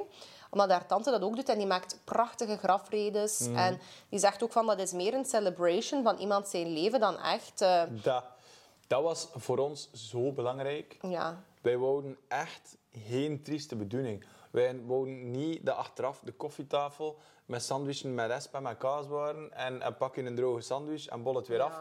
Wij wouden echt... Wij hebben, wij hebben zeven culinaire hapjes gedaan. Ja, we hebben er meer voor betaald, maar was zoiets van... we gaan Natuurlijk, dat het zal echt op een goede manier Ja. hier afsluiten. En, en dat was een super zware dag, hè. begrijp me niet verkeerd. Ehm, maar ook in mijn, in mijn speech, want dat was dan ook zo, ja, ik moest dan spreken en je denkt dan, fuck, ja, nu, wat moet ik hier nu... God, dat, is, dat is heavy. Maar ook voor mezelf en naar mama toe, ik zoiets van... Ik wil ook dat mensen lachen. Dus ik heb echt met foto's gewerkt, maar zo niet de mooie foto's. Ja. Zo de gênante foto's, de grappige foto's, grappige filmpjes. Ik er is een, een filmpje dat ze op de traplift naar boven ging. En, en ik begon daar zo te filmen. En ik begon zo, want ik ben sportcommentator. Dus ik begon dan, dames en heren, vandaag aan de start Anja Vervaak op het WK Traplift 2022. Het ziet er duidelijk een hoge stijl. Maar dat ging mega traag. En die zat er echt zo van, gast, laat me zin. En zo, Ja. dan zo kreeg je zo de middenvinger. Zo. We hebben vrij hard gelachen. En ik heb dat getoond. En iedereen moest lachen, dat iedereen herkende mama daar ook in. Dus Ja, dat, was, dat is echt gewoon hoe dat wij waren. Punt. het is de viering van iemands Ja. leven. Ja. En dat vond ik heel mooi dat ik dat, dat, ik dat kon doen. En natuurlijk, ik ben ook af en toe zo ah, fuck, gebroken en een traantje laten en zo. Up, herpakt je weer en je, je leest weer verder. Want je zegt niet alleen zeven dingen, je zegt ook mooie dingen, dingen dat je meent. En dat zijn dan de dingen die het meest binnenkomen. Maar, maar het feit dat we dat op die manier en kunnen doen, dat er echt mensen en lachen, dat ik denk van, ah, dat, dat, dat, dat is waar dat we het voor doen. Ik wil niet dat mensen een uur, een uur en een half lang alleen maar zitten wenen en Ja. zitten... Ah, mama was, en het was dit en het was dat en oh, het was zo... Allee, iedereen apprecieert daar genoeg. En ik denk dat het voordeel aan onze situatie is dat iedereen die... Iedereen heeft afscheid kunnen nemen. Of zo. Iedereen die moest afscheid nemen, heeft nog tegen haar kunnen zeggen wat dat ze wouden zeggen. Ja. Eh, papa heeft een eh, tekstje geschreven dat hij niet zelf heeft voorgelezen. Ehm, Ja, dat kan ik heb- wel begrijpen, ja. Ik heb een tekst geschreven dat ik zelf heb voorgelezen. Wij hebben al die tekstjes nog voor mama voorgelezen. Dus dat, is mega, me, dat was mega confronterend. We zaten allemaal aan tafel en, en dat was een, eh, ja, ik denk een paar weken, nog niet eens voor de, voor de euthanasie, dat we dat, we, dat, we dat echt gedaan en, en, en echt hebben voorgelezen. En, en ja, dat, was, dat is een zeer heftig moment, want je leest gewoon eigenlijk je afscheidsbrief voor die persoon. Ja, Maar ik ben ergens ook zo blij dat we dat, dat, we dat wel hebben gedaan of zo. Dat je, je zo haar zegen had. Ja, Snap het, je? ja, het is ook als, als je niet... Sorry. Als je het niet voor haar doet, voor wat doe je het dan wel? Mm. En ik denk dat heel veel mensen inderdaad ook een viering doen... Zonder dat ze daarbij stilstaan van het kan ook op een andere manier. En dat dat daar, daarin ook bijdraagt aan het feit dat afscheid moeten nemen van mensen waar dat je totaal niet voor kiest. Ja. Ehm, dat dat daarvoor iets moet zijn dat in- inderdaad super... Allee, het is niet plezant, maar het wordt wel gezien als iets negatiefs en iets dat we niet graag over praten. Ehm, maar het kan ook op andere manieren en er is toch geen ontkomen aan. Het is gewoon een onderdeel van het leven. Klopt. Dus dan, gelukkig, zijn er ook mensen die het ook op andere manieren doen. En opnieuw bij mijn punt van... Of om terug te komen bij mijn punt van... Daardoor, door het feit dat jij daar open over spreekt, of dat je zegt, van, we hebben dat op die manier gedaan, of dat Fien zegt, ah, mijn tante doet dat op die manier, ik zou dat ook graag Ja. doen. En dat ze kan zeggen oprecht, eh, de viering van mijn oma, haar begrafenis, dat was mooiste moment met mijn oma dat ik eigenlijk gehad heb, zelfs bijna. Want dat was zo mooi, dat was zo Ja. echt hoe dat ze is. Eh, en inderdaad dat er gewoon ook ruimte moet kunnen zijn voor het verdriet, maar dat dat gewoon ook moet kunnen bestaan naast het geluk. Dat is gewoon fucking Tuurlijk. live, hè. Tuurlijk. En dat, dat was gewoon eigenlijk het perfect, de perfecte samenvatting is wat hij zelf zei. Het is een viering. Het is geen afscheid, het is een vier, of ja, het is een afscheidsviering, maar het Ja. is vooral een viering. Daar wilden wij de nadruk echt op leggen. Dat moet, dat moet, duidelijk zijn voor alles en iedereen. En ik, eh, ik heb ook gezegd tegen mama, eh, ik heb gezegd, ik wil echt dat mensen lachen. Ik wil echt dat mensen lachen tijdens mijn speech. En dat is niet, want dat was ook iets dat ik even mee gestruggeld had, van, ja, gaat dat niet lijken? Of dat ik nu zo, zelfs nu nog mijn momentje wil pakken voor de grappigheid te tang. Maar zo, nee, uiteindelijk niet, want eh, de, de dingen dat wij gedaan hebben, van, van, humor, van, van lachen. En, allee, ik herinner mij op restaurant, op restaurant dat, dat ehm, mijn- mijn ma op een bepaald moment, er was, er, we gingen een pasta bestellen of zo, en er was een spicy pasta en mijn ma vroeg aan de ober. Eh, maar ze had, ze had chemo gehad, hè, dus ze had Ja. geen haar. Ze zat ook gewoon zonder haar daar. Ze, she didn't care. En die ober vroeg, is pikant? En de tafel ernaast had dat bord. En die vent had mama nog niet gezien. En hij zei, mijn haar had er nog juist niet van recht staan. En mijn ma zegt, dat van mij ook niet. En, zo. en die mens super gechoqueerd. Zo van, oh my god, wat heb ik nu gezegd? Ja. En we er lachen, lachen, Ja, lachen. tuurlijk. Maar zo constant is dat hoe, dat, hoe dat wij daar mee omgingen. Ook. Ja. Zo, de eerste keer dat ze chemo had en ik kwam thuis. En we even gebabbeld. En dan zei ik zo, ja, je moet wel positief zien. Je kunt nu wel Philippe Heubels geloofwaardiger imiteren. En mijn ma zei, ik ben al de hele tijd aan het oefenen. Zo, ja, lachen, lachen, lachen. Dus dat is gewoon leuk dat we voor onszelf... En je lacht een keer, je laat een tranen, geef elkaar een knuffel en Tuurlijk, ga weer ja. verder. Maar dat is zo up, onze, onze manier geweest of zo. En daar ben ik ook super dankbaar voor. Want ja, dat is niet iedereen gegeven. Nee. Niet iedereen in de familie kan er even goed met die humor mee om. En zeker ook, ik denk ook zo de combinatie van de verschillende generaties en dat mensen... en Tuurlijk. Ik ben op niet veel begrafenissen geweest, maar een van de laatste begrafenissen dat ik was geweest, dat was, dat was wel een mooie viering, maar een traditionele, klassieke viering. En ik was op dat moment ook super zwanger. En begon ook zo echt zo, dat begon echt wel een buik te worden op dat moment, ergens in de helft van mijn zwangerschap. En ik was ook, ja, fucking emotional, of course. Maar dan moest ik ook bij de familie zo aan de uitgang staan. En dan gingen al die mensen, dus ook al die oudere mensen, aan die buik komen. Zo van, ah, maar chance dat er... En ik... Allee, ik wil nu niet doen of dat ik ze hoogsensitief... Ja, ik ben wel technisch gezien hoogsensitief, maar ik wil daar niet helemaal persoonlijkheid van maken. Maar nee. ik kon daar like heel, ik kon daar like heel niet aan dat iedereen met zijn sad ding aan die buk kwam en dat met een buk daar moest aan gelinkt worden. En ik dacht dan, nu gaat er iets met dat kind gebeuren. Ja. Ik heb heel de weg naar huis geweend. Niet alleen van het verdriet, maar ook dat cumuleert nog een keer met iedereen Ja. zijn ding.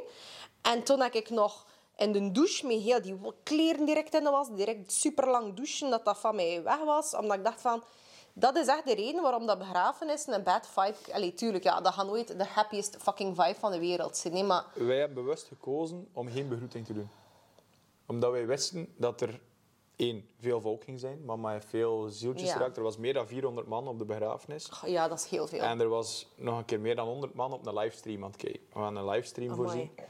Eh, omdat haar broer in Japan woont en die kon er niet bij zijn. Dus, maar nog veel mensen die zeiden, ja, we kunnen er niet bij zijn. Dus Ja, tuurlijk, als ze al negen siblings... Allee, Ja, ja. acht siblings had. Ja, voilà. Maar ehm, en wij hebben er bewust voor gekozen om exact die reden om geen begroeting te doen. Omdat je staat daar dan en iedereen kom je dan aan het geven, maar iedereen overlaat je ook met hun emoties. Ja. En dat is iets dat je op dat moment geen behoefte hebt. Het is zwaar genoeg voor ons op zich. Ja, We appreciëren iedereen die er is. Echt waar, merci. Maar er zijn ook heel veel, er zijn mensen waarvan je peest, jou wil ik een knuffel geven. Maar er zijn ook heel veel mensen dat ik niet ken. Ex-collega's van mama of zo, die dan... En die zitten ook in dat rijtje om jou een hand te geven. En although we appreciëren iedereen, maar we hoeven niet overladen te worden met andere mensen en emoties. Nee. Dat, daar hebben wij op dat moment niet veel aan. Dus we hebben er heel bewust voor gekozen. Wij heel tijd, dat was een prachtige zaal in Oostende. Polderbos noem het. Ehm, en en ehm, er was in de aula, er waren twee aulas, dat ze kon openzetten. Dus er waren echt mensen die nog recht stonden. Dat zat stampvol. En wij konden eigenlijk heel tijd achter eh, een... eh, dat was zo, ja, hoe moet ik zeggen, houten, houten dingen, waar dat scherm op stond ook, waar dat iedereen voorsprak. En wij konden daarachter nog even zitten. Dus vlak voordat de dienst begon, gingen wij eigenlijk op ons plaats zijn. Dus wij zijn, in tegenstelling tot normaal, zit je daar de eerste, de begroeting Ja. en dit en dat. Wij zijn gewoon, als iedereen zat, als we gingen beginnen, zijn we daar gaan zitten. Klaar. En dat was de beste keuze ooit. Zo, want je ziet dan, daarna is dan afscheid en begroeting en dan loopt iedereen richting de, de assen. Ja. En dan krijgen ze nog van die stickertjes, heb je dat misschien ook gezien, van zo... Ik heb geen stickers gehad, hè. Ik kan er in mijn auto liggen. Ik ga de, ik ga het is echt, ik ga ze gaan halen. En, eh, mama had, had, toen dat ze in de revalidatie lag, had ze een tekening gemaakt met... Was het nu Wasco? Ik weet het niet, doet er niet Oh. toe. Ehm, en dat was een eiland in de vorm van een hartje. Zo een eilandje, zo het water en dan zo, hè, met strand en boompjes en, en zo dat. Eh, maar zo van, van bovenaf, zo gezegd. Ja. En eh, we vonden dat een super mooie tekening. We hebben dat gedigitaliseerd. En we hebben daar ronde hartjes stickers Gedigitaliseerd is toch zo'n serieus woord, hè? Het is, het is toch het enige woord dat je kan gebruiken in die context. Ja, misschien wel. Ja, want, Dat klinkt zo hypermodern. want ingescand. Ah, ja. Ik ging dat zeggen. Ja, ja, gedigitaliseerd, want nu is dat een ding geworden. We hebben Ja. daar stickers van laten maken. En iedereen die op de begrafenis was, heeft vier stickers gekregen. Oh. En het idee is om, als je op vakantie gaat en je komt een mooie plek tegen en je zegt, dat is nu een keer een schoon plekje, dat je een stickertje hangen. En wij hebben dus, vibes. ja, en wij hebben dus een Google Maps kaart met al die Stop. stickers, met allemaal harken. Ik ga het je tonen. Ik ga het je tonen. Ik kan er een screenshot van tonen, dat de, dat de mensen het ook zien. Je kunt elkaar internet geven door een keer aan elkaar te zetten. Wat? Ja. Wat? Nee, dat. Wat? Zo die gsm's tegen elkaar, gaat dat niet? Ja, Ik weet niet wat dat... Alzo. Nee. En nu Ah, alles geblokkeerd. Oh my god! Op zoveel plaatsen. Wereldkaart. Dus dat is in... in ja, kijk, ja, zoom maar in. Prachtig. Allemaal hartjes. Dat zijn effectief allemaal stickers die daar hangen. Bij aansmos. Het is hier al storten. Shit, shit, shit. Dat zijn die ijsblokken. Ja, oh, maar prachtig. En Denemarken. Oh. Overal. Overal. Zelfs... Zelfs in... ehm, kijk, Nou, we een family of globetrotters hebben jullie eigenlijk. ja, ja, Australië, hier op... eh, Maar de, twee de, Ma- de zelfs. Malediven. eh, echt overal, overal, overal. Ehm, de US, ja, Venezuela, het is Brazilië. En in Europa natuurlijk heel veel. hè. Dat zijn zo de dingen die je hart toch verwarmen dan inderdaad op zo'n allee, donker moment. Ja. Dat is toch ook de enige manier, denk ik, om... Allee, er zijn meerdere manieren, ik weet het niet, iedereen doet alles op zijn eigen manier, maar dat is toch een prachtige manier om ermee om te gaan. Eh, again, mama's idee. Zo, zo zouden we daar geen stickers van maken en dan niet de wereld rond, Ja. rond verspreiden. En superleuk. Eh je voelt ook dat dat, dat is houvast ook voor papa of zo. Want Ja. als hij morgen een stickertje hangt, ja, we, we, we zetten dat op de kaart. En ja, we doen dat handmatig, Ja. dus dat is altijd zo. Maar dan zie je die kaart altijd, maar dat is leuk. Groter worden, Dat is leuk, hè. Ja. Dus ehm, daar, daar ben ik ook wel blij mee dat we dat hebben. Ik hoop ook zo, met dat, met dat Fien daar nu zo al iets over gezegd heeft, maar dat jij daar nu ook over spreekt en dat ik daar nu zelf daardoor ook veel meer over nadenk. En hopelijk gaan we gewoon naar een wereld waarbij dat we, of waarbinnen dat we ook op een andere manier met die dingen kunnen omgaan. Ik hoop dat ook, ja. Eh, want ik, allee, ik, ik heb geen grootouders meer. Voor de rest heb ik heel veel chance binnen mijn familie toch dat ik niemand ben verloren. En eh, als ik dan zo naar het kerkhof ga, zie je wel zo... Er zijn zo superveel van die niet onderhouden graven en dingen. Ja. En mijn ouders leggen dan daar dan een keer een bloemetje en zo. Maar ik denk dat dat ook komt door het feit dat mensen gewoon niet altijd de mentale capaciteit hebben om geconfronteerd te worden met dat kerkhof en die... Dat, En- was, dat was voor ons echt zo'n belangrijke. Wij wouden niet naar een kerkhof gaan. Ja. We wouden echt niet naar een kerkhof gaan. Dat is de, cru gezegd, de, de zieligheid en het verdriet en de miserie, dat spat Ja. daar vanaf of zo. En ook zo een beetje de griezeligheid ook. Ja. Want dat je zo direct zo die horror, Halloween, assos... Allee, echt ja, nee, klopt. Terwijl nu, het Polderbos in Oostende, dat is een, een crematorium. En eh, dat is de, een van de weinige natuurbegraafplaatsen. Dus dat betekent dat assen zitten in een vergaanbare pot. Die pot wordt in de grond gestoken en that's it. En de bomen waren daar geplant en we waren redelijk... Ja. We waren een van, ik denk dat mama de eerste was die daar is begraven. Dus eh, je ziet de bomen groeien en zo, mama Ja. groeit mee of zo. Ja. Dus, en het is een super rustgevende locatie. Niks daaraan zegt crematorium of kerkhof of dood. Ja. Of, het is echt gewoon een plek waar dat je ook tot rust kan komen bij mama. Dus dat is nog, nog zoveel leuker eigenlijk op dat vlak. Ja. Ja, want ook gewoon je essentie als persoon is zo moeilijk samen te vatten of te herleiden tot inderdaad dat fysieke lichaam. Want dat, allee, dat lichaam en wie dat je bent verandert ook zodanig veel door de loop van tijd. Allee, want zelfs ook, dat, is nu, dat klinkt nu super kinderachtig en belachelijk, maar wij zijn nu twintigers, dertigers. Tien jaar geleden zagen we er anders uit. Nog een keer twintig jaar geleden zagen we er nog anders uit. Hij bent gewoon niet meer de baby, het kind, de Tuurlijk. tiener dat je bent geweest. Je lichaam bestaat ook gewoon voor een groot deel uit andere cellen zelfs, nieuwe cellen en alles. En dat verandert zodanig veel. En Natuurlijk zijn er nog niet de wetenschappelijke, en ik zeg bewust nog niet, want ik denk dat dat wel misschien ooit gaat komen. Misschien is dat pas binnen like, vijf eeuwen, I don't know. Maar Ja. Wij kunnen dat nog niet. Maar, en ook gewoon niet alles moet bewezen worden. Sommige dingen weet je of voel je gewoon met je hart of begrijp je gewoon met je hart. En ik denk dat inderdaad bij het heengaan van mensen, het verdriet is pijnlijk, maar niet voor te zeggen van ze zijn er nog, maar de essentie van iemand kan niet herleid worden tot de begraafplaats of een lichaam dat weg is of wat dan ook. En de manier waarop dat iemand uw leven en het leven van anderen raakt. En dat, dat is dan ook de reden, denk ik, waarom dat zo'n kaart fucking prachtig is. Omdat dat opnieuw een manier is om het mes vast te pakken aan het lemmet en niet aan het heft. Ja. Zeg ik dat eigenlijk juist? Wat is de, de lemmet is het snijkant en het heft is de vasthoudkant. Dus voilà, dat je dat niet vastpakt aan de kant die pijn doet. Ik kan het even Dus eigenlijk is dat gewoon... Ja. Maar aan de heft die constructief is en waarmee Ja. dat je mooie dingen kan doen en waarmee dat je nog iets constructiefs kan doen in de wereld. En Ja. weer benaderen vanuit liefde en licht in plaats van angst. Want alles kan uiteindelijk gereduceerd worden tot benader je iets vanuit angst of vanuit liefde. Zeker. Zeker. Ja, klopt. Ik denk dat wij dat niet beter hebben kunnen doen dan, dan hoe dat we het nu doen. En Ja. dat blijft wel een struggle nu. Nu is het meer... Nu moet je het zelf doen. Hè. Nu kun je het niet meer bespreken met mama. Je kunt het wel bespreken met elkaar, maar je voelt toch dat dat... Iedereen heeft zijn eigen verdriet, dus je wilt zo niet als een ander een goed moment heeft, het verdriet daar weer leggen of zo. Dus, dus ehm, het, is, het is meer...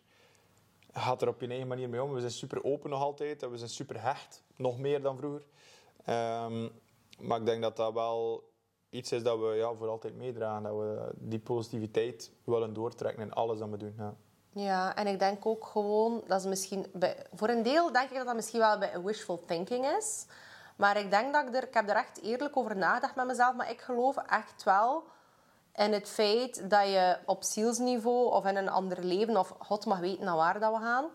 En niet per se God, want eh, whatever, maakt niet uit. Maar dat je wel ergens kan gereunite worden met zo mensen die je zielsfamilie zijn. En die, ja. Want zo, gewoon vanaf het moment dat mijn kind geboren was, had ik ook gewoon een fucking gigantische angst van als er iets met dat kind gebeurt, is mijn leven fucked. Mm. Maar ik wist ook direct van gewoon de liefde dat ik voel voor jou. Allee, ik zie mijn man doodgraag, ik zie mijn ouders, mijn broer. Mijn broer, ach, what a fucking angel. Maar ehm, ik denk ook dat Danny misschien zelfs een kind is geweest van mij in een vorige leven. En nu denkt Noah, het is hier genoeg met die wijn in die podcast. Wie? Ik denk dat mijn broer... Noah denkt dat niet alleen eigenlijk. Maar nee, Noah kent mijn broer. Maar ja, Ah, kijk, ja, voilà, nu denken we dat allemaal. Ja, voilà. Maar ik ben heel zeker dat ik mijn kind... Omdat, ik zeg het, mijn energie en mijn liefde is zo sterk dat ik die in elk leven zou terugvinden. Ik ga die... Allee, ik ga die sowieso... Ik ga mij wel kenbaar maken en ik ga die wel helpen op mysterieuze manieren. Want dat is ook iets dat ik heel veel zie, bijvoorbeeld. Dat is nu echt super stom. Maar Tonja Schamp is haar papa verloren, ook aan kanker. En dat heeft haar leven ook op heel veel manieren beïnvloed. Maar die heeft ook bijvoorbeeld heel veel geluk gehad op eh, vlak van ondernemen en carrière en alles. En Famke Louise, oké, daar wordt er altijd mee gelachen. Maar eh, die is haar papa ook verloren, heel abrupt. En toen is haar carrière ook begin eh, zo taking, hitting it off right away.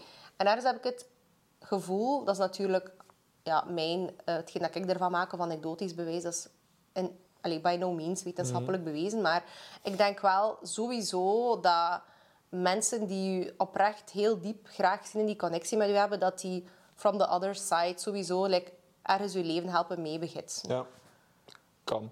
Ja. Ja, ik ben op, op dat vlak Zeer niet, nuchter waarschijnlijk, niet zo, ja.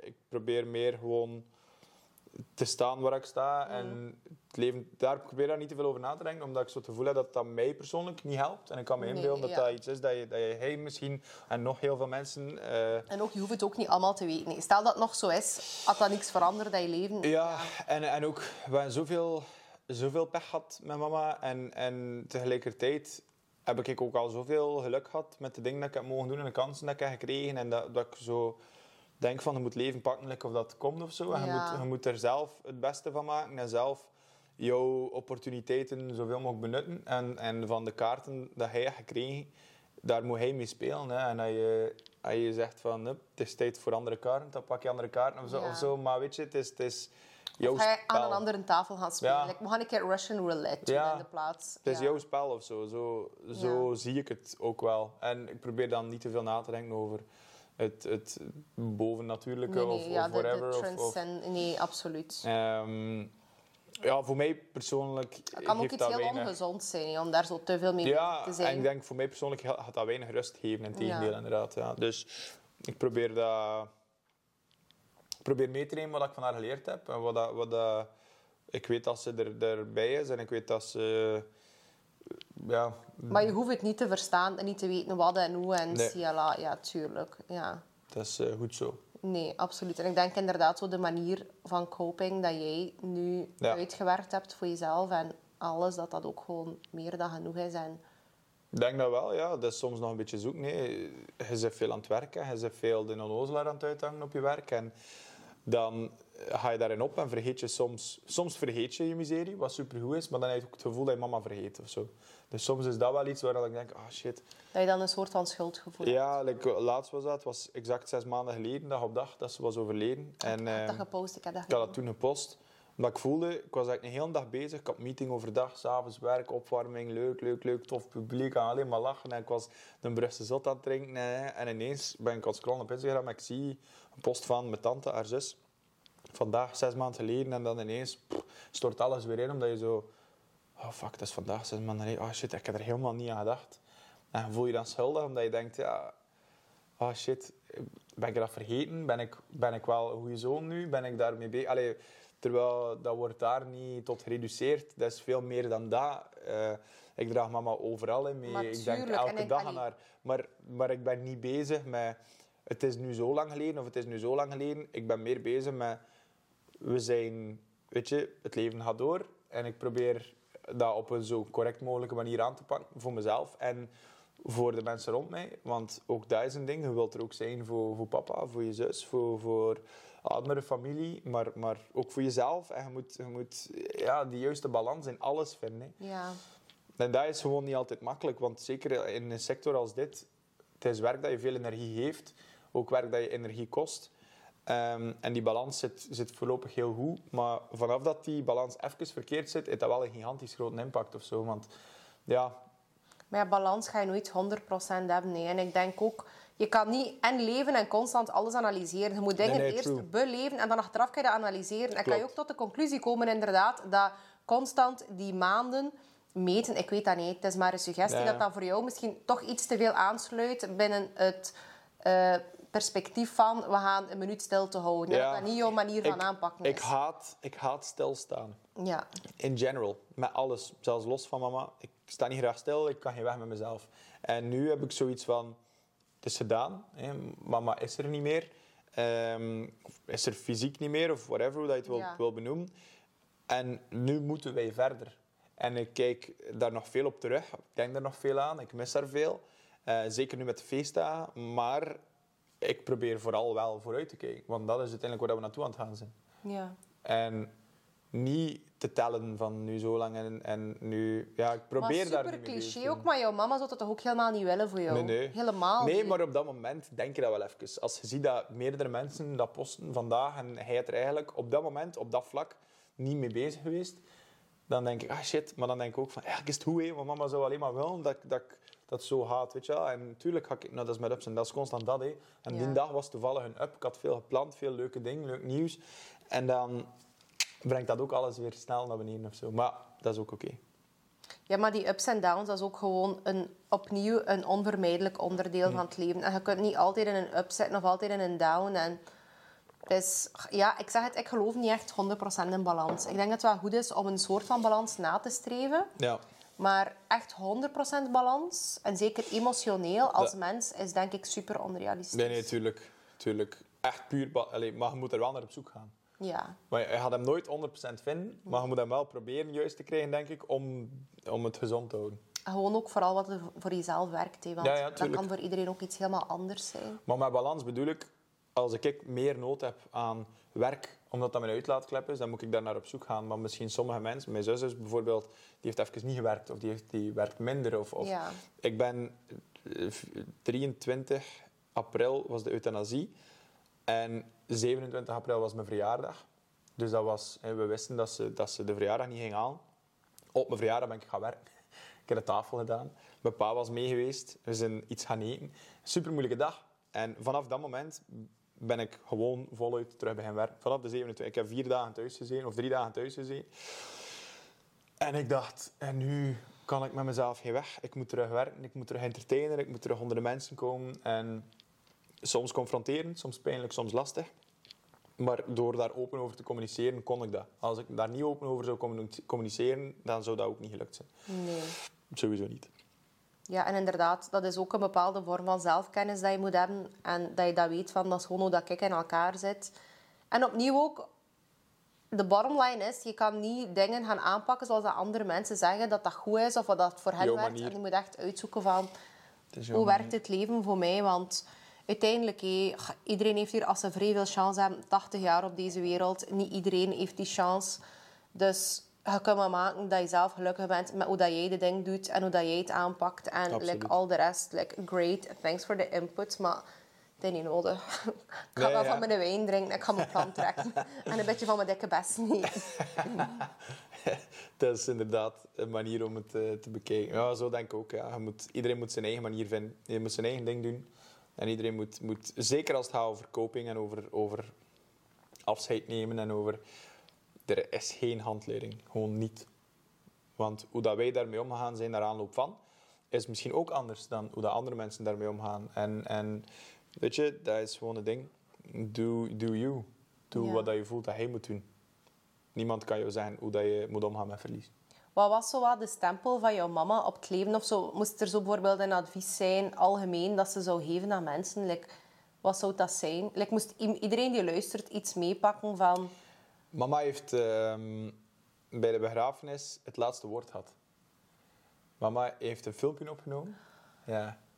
En ehm, ze heeft, eh, daarmee is de begrafenis afgesloten. En in dat filmpje zegt ze, sterf niet mee met mij. En dat, ik denk dat dat eh, de belangrijkste boodschap is voor alles en iedereen. Of zo. Het is niet omdat iemand eh, in jouw leven sterft, dat hij meesterft. Een stukje misschien dat je altijd mag gaan meedragen, maar hij als persoon niet. Ehm, leef, geniet, dat soort dingen, dat is echt nog gezegd. Eh, wij hebben dat filmpje uiteraard op voorhand gezien. Maar ik denk dat dat het, het belangrijkste is. Maar dat is prachtig. Zeer heftig wel. Ja. En zelfs het omgekeerde is ook waar. Je hoeft niet mee te sterven, maar ook die persoon leeft mee via de boodschap die Zij mensen uitdragen en de levenswijze en alles. En Zij is ook, absoluut. En dat is het, dat is, dat, dat is het gewoon. Hè. Sterf niet mee met mij. Leef, geniet, lach. Want dat heb ik ook altijd gedaan. ja, En dat is uiteindelijk waar het om draait, denk ik. absoluut. Ik vind dat een hele mooie om de podcast mee te besluiten en af te sluiten. Zeker. Want ik denk niet dat wij zo nog iets kunnen zeggen dat... Like, this is it. Ja. Ja. En de wijn is op. En de wijn is op. de wijn is nooit op in dit Nee, huis. ja, dat geloof ik ook wel. waar. Dat geloof ik ook wel. Uh, Oké, bedankt om te kijken. Ach, ik vind dat zo awkward, die afsluiting. Dan denk ik, ik ken het. ja, wil jij Maar- nog een keer slaan met de klepper? Je moet opletten, want er zit Ja, een er zit een vijs los, zeker? Ja. ja, zie je? Het is, Ja, ik het is nog niet simpel. Ik ga nog een vraag aan mijn vent. Ja, Maar wel, maar wel niet, niet babbelen als ik sla. hè. sorry. Ja. Nu moeten we opnieuw doen.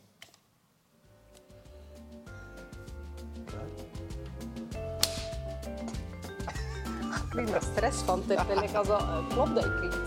Dankjewel voor het luisteren naar deze podcast en super leuk dat je deel uitmaakt van Anastasia's Clubhouse. Als je iets gehad hebt aan deze episode, twijfel er dan niet aan om deze te liken, te delen of te raten. Zeker als je luistert op Apple Podcasts of Spotify. Dat kost jou een paar secondjes, maar je doet er mij wel een ontzettend groot plezier mee. Laat het me weten als er een bepaalde gast of een bepaald topic is dat je graag zou willen zien. En ik zie je super snel opnieuw volgende woensdag. Mwah.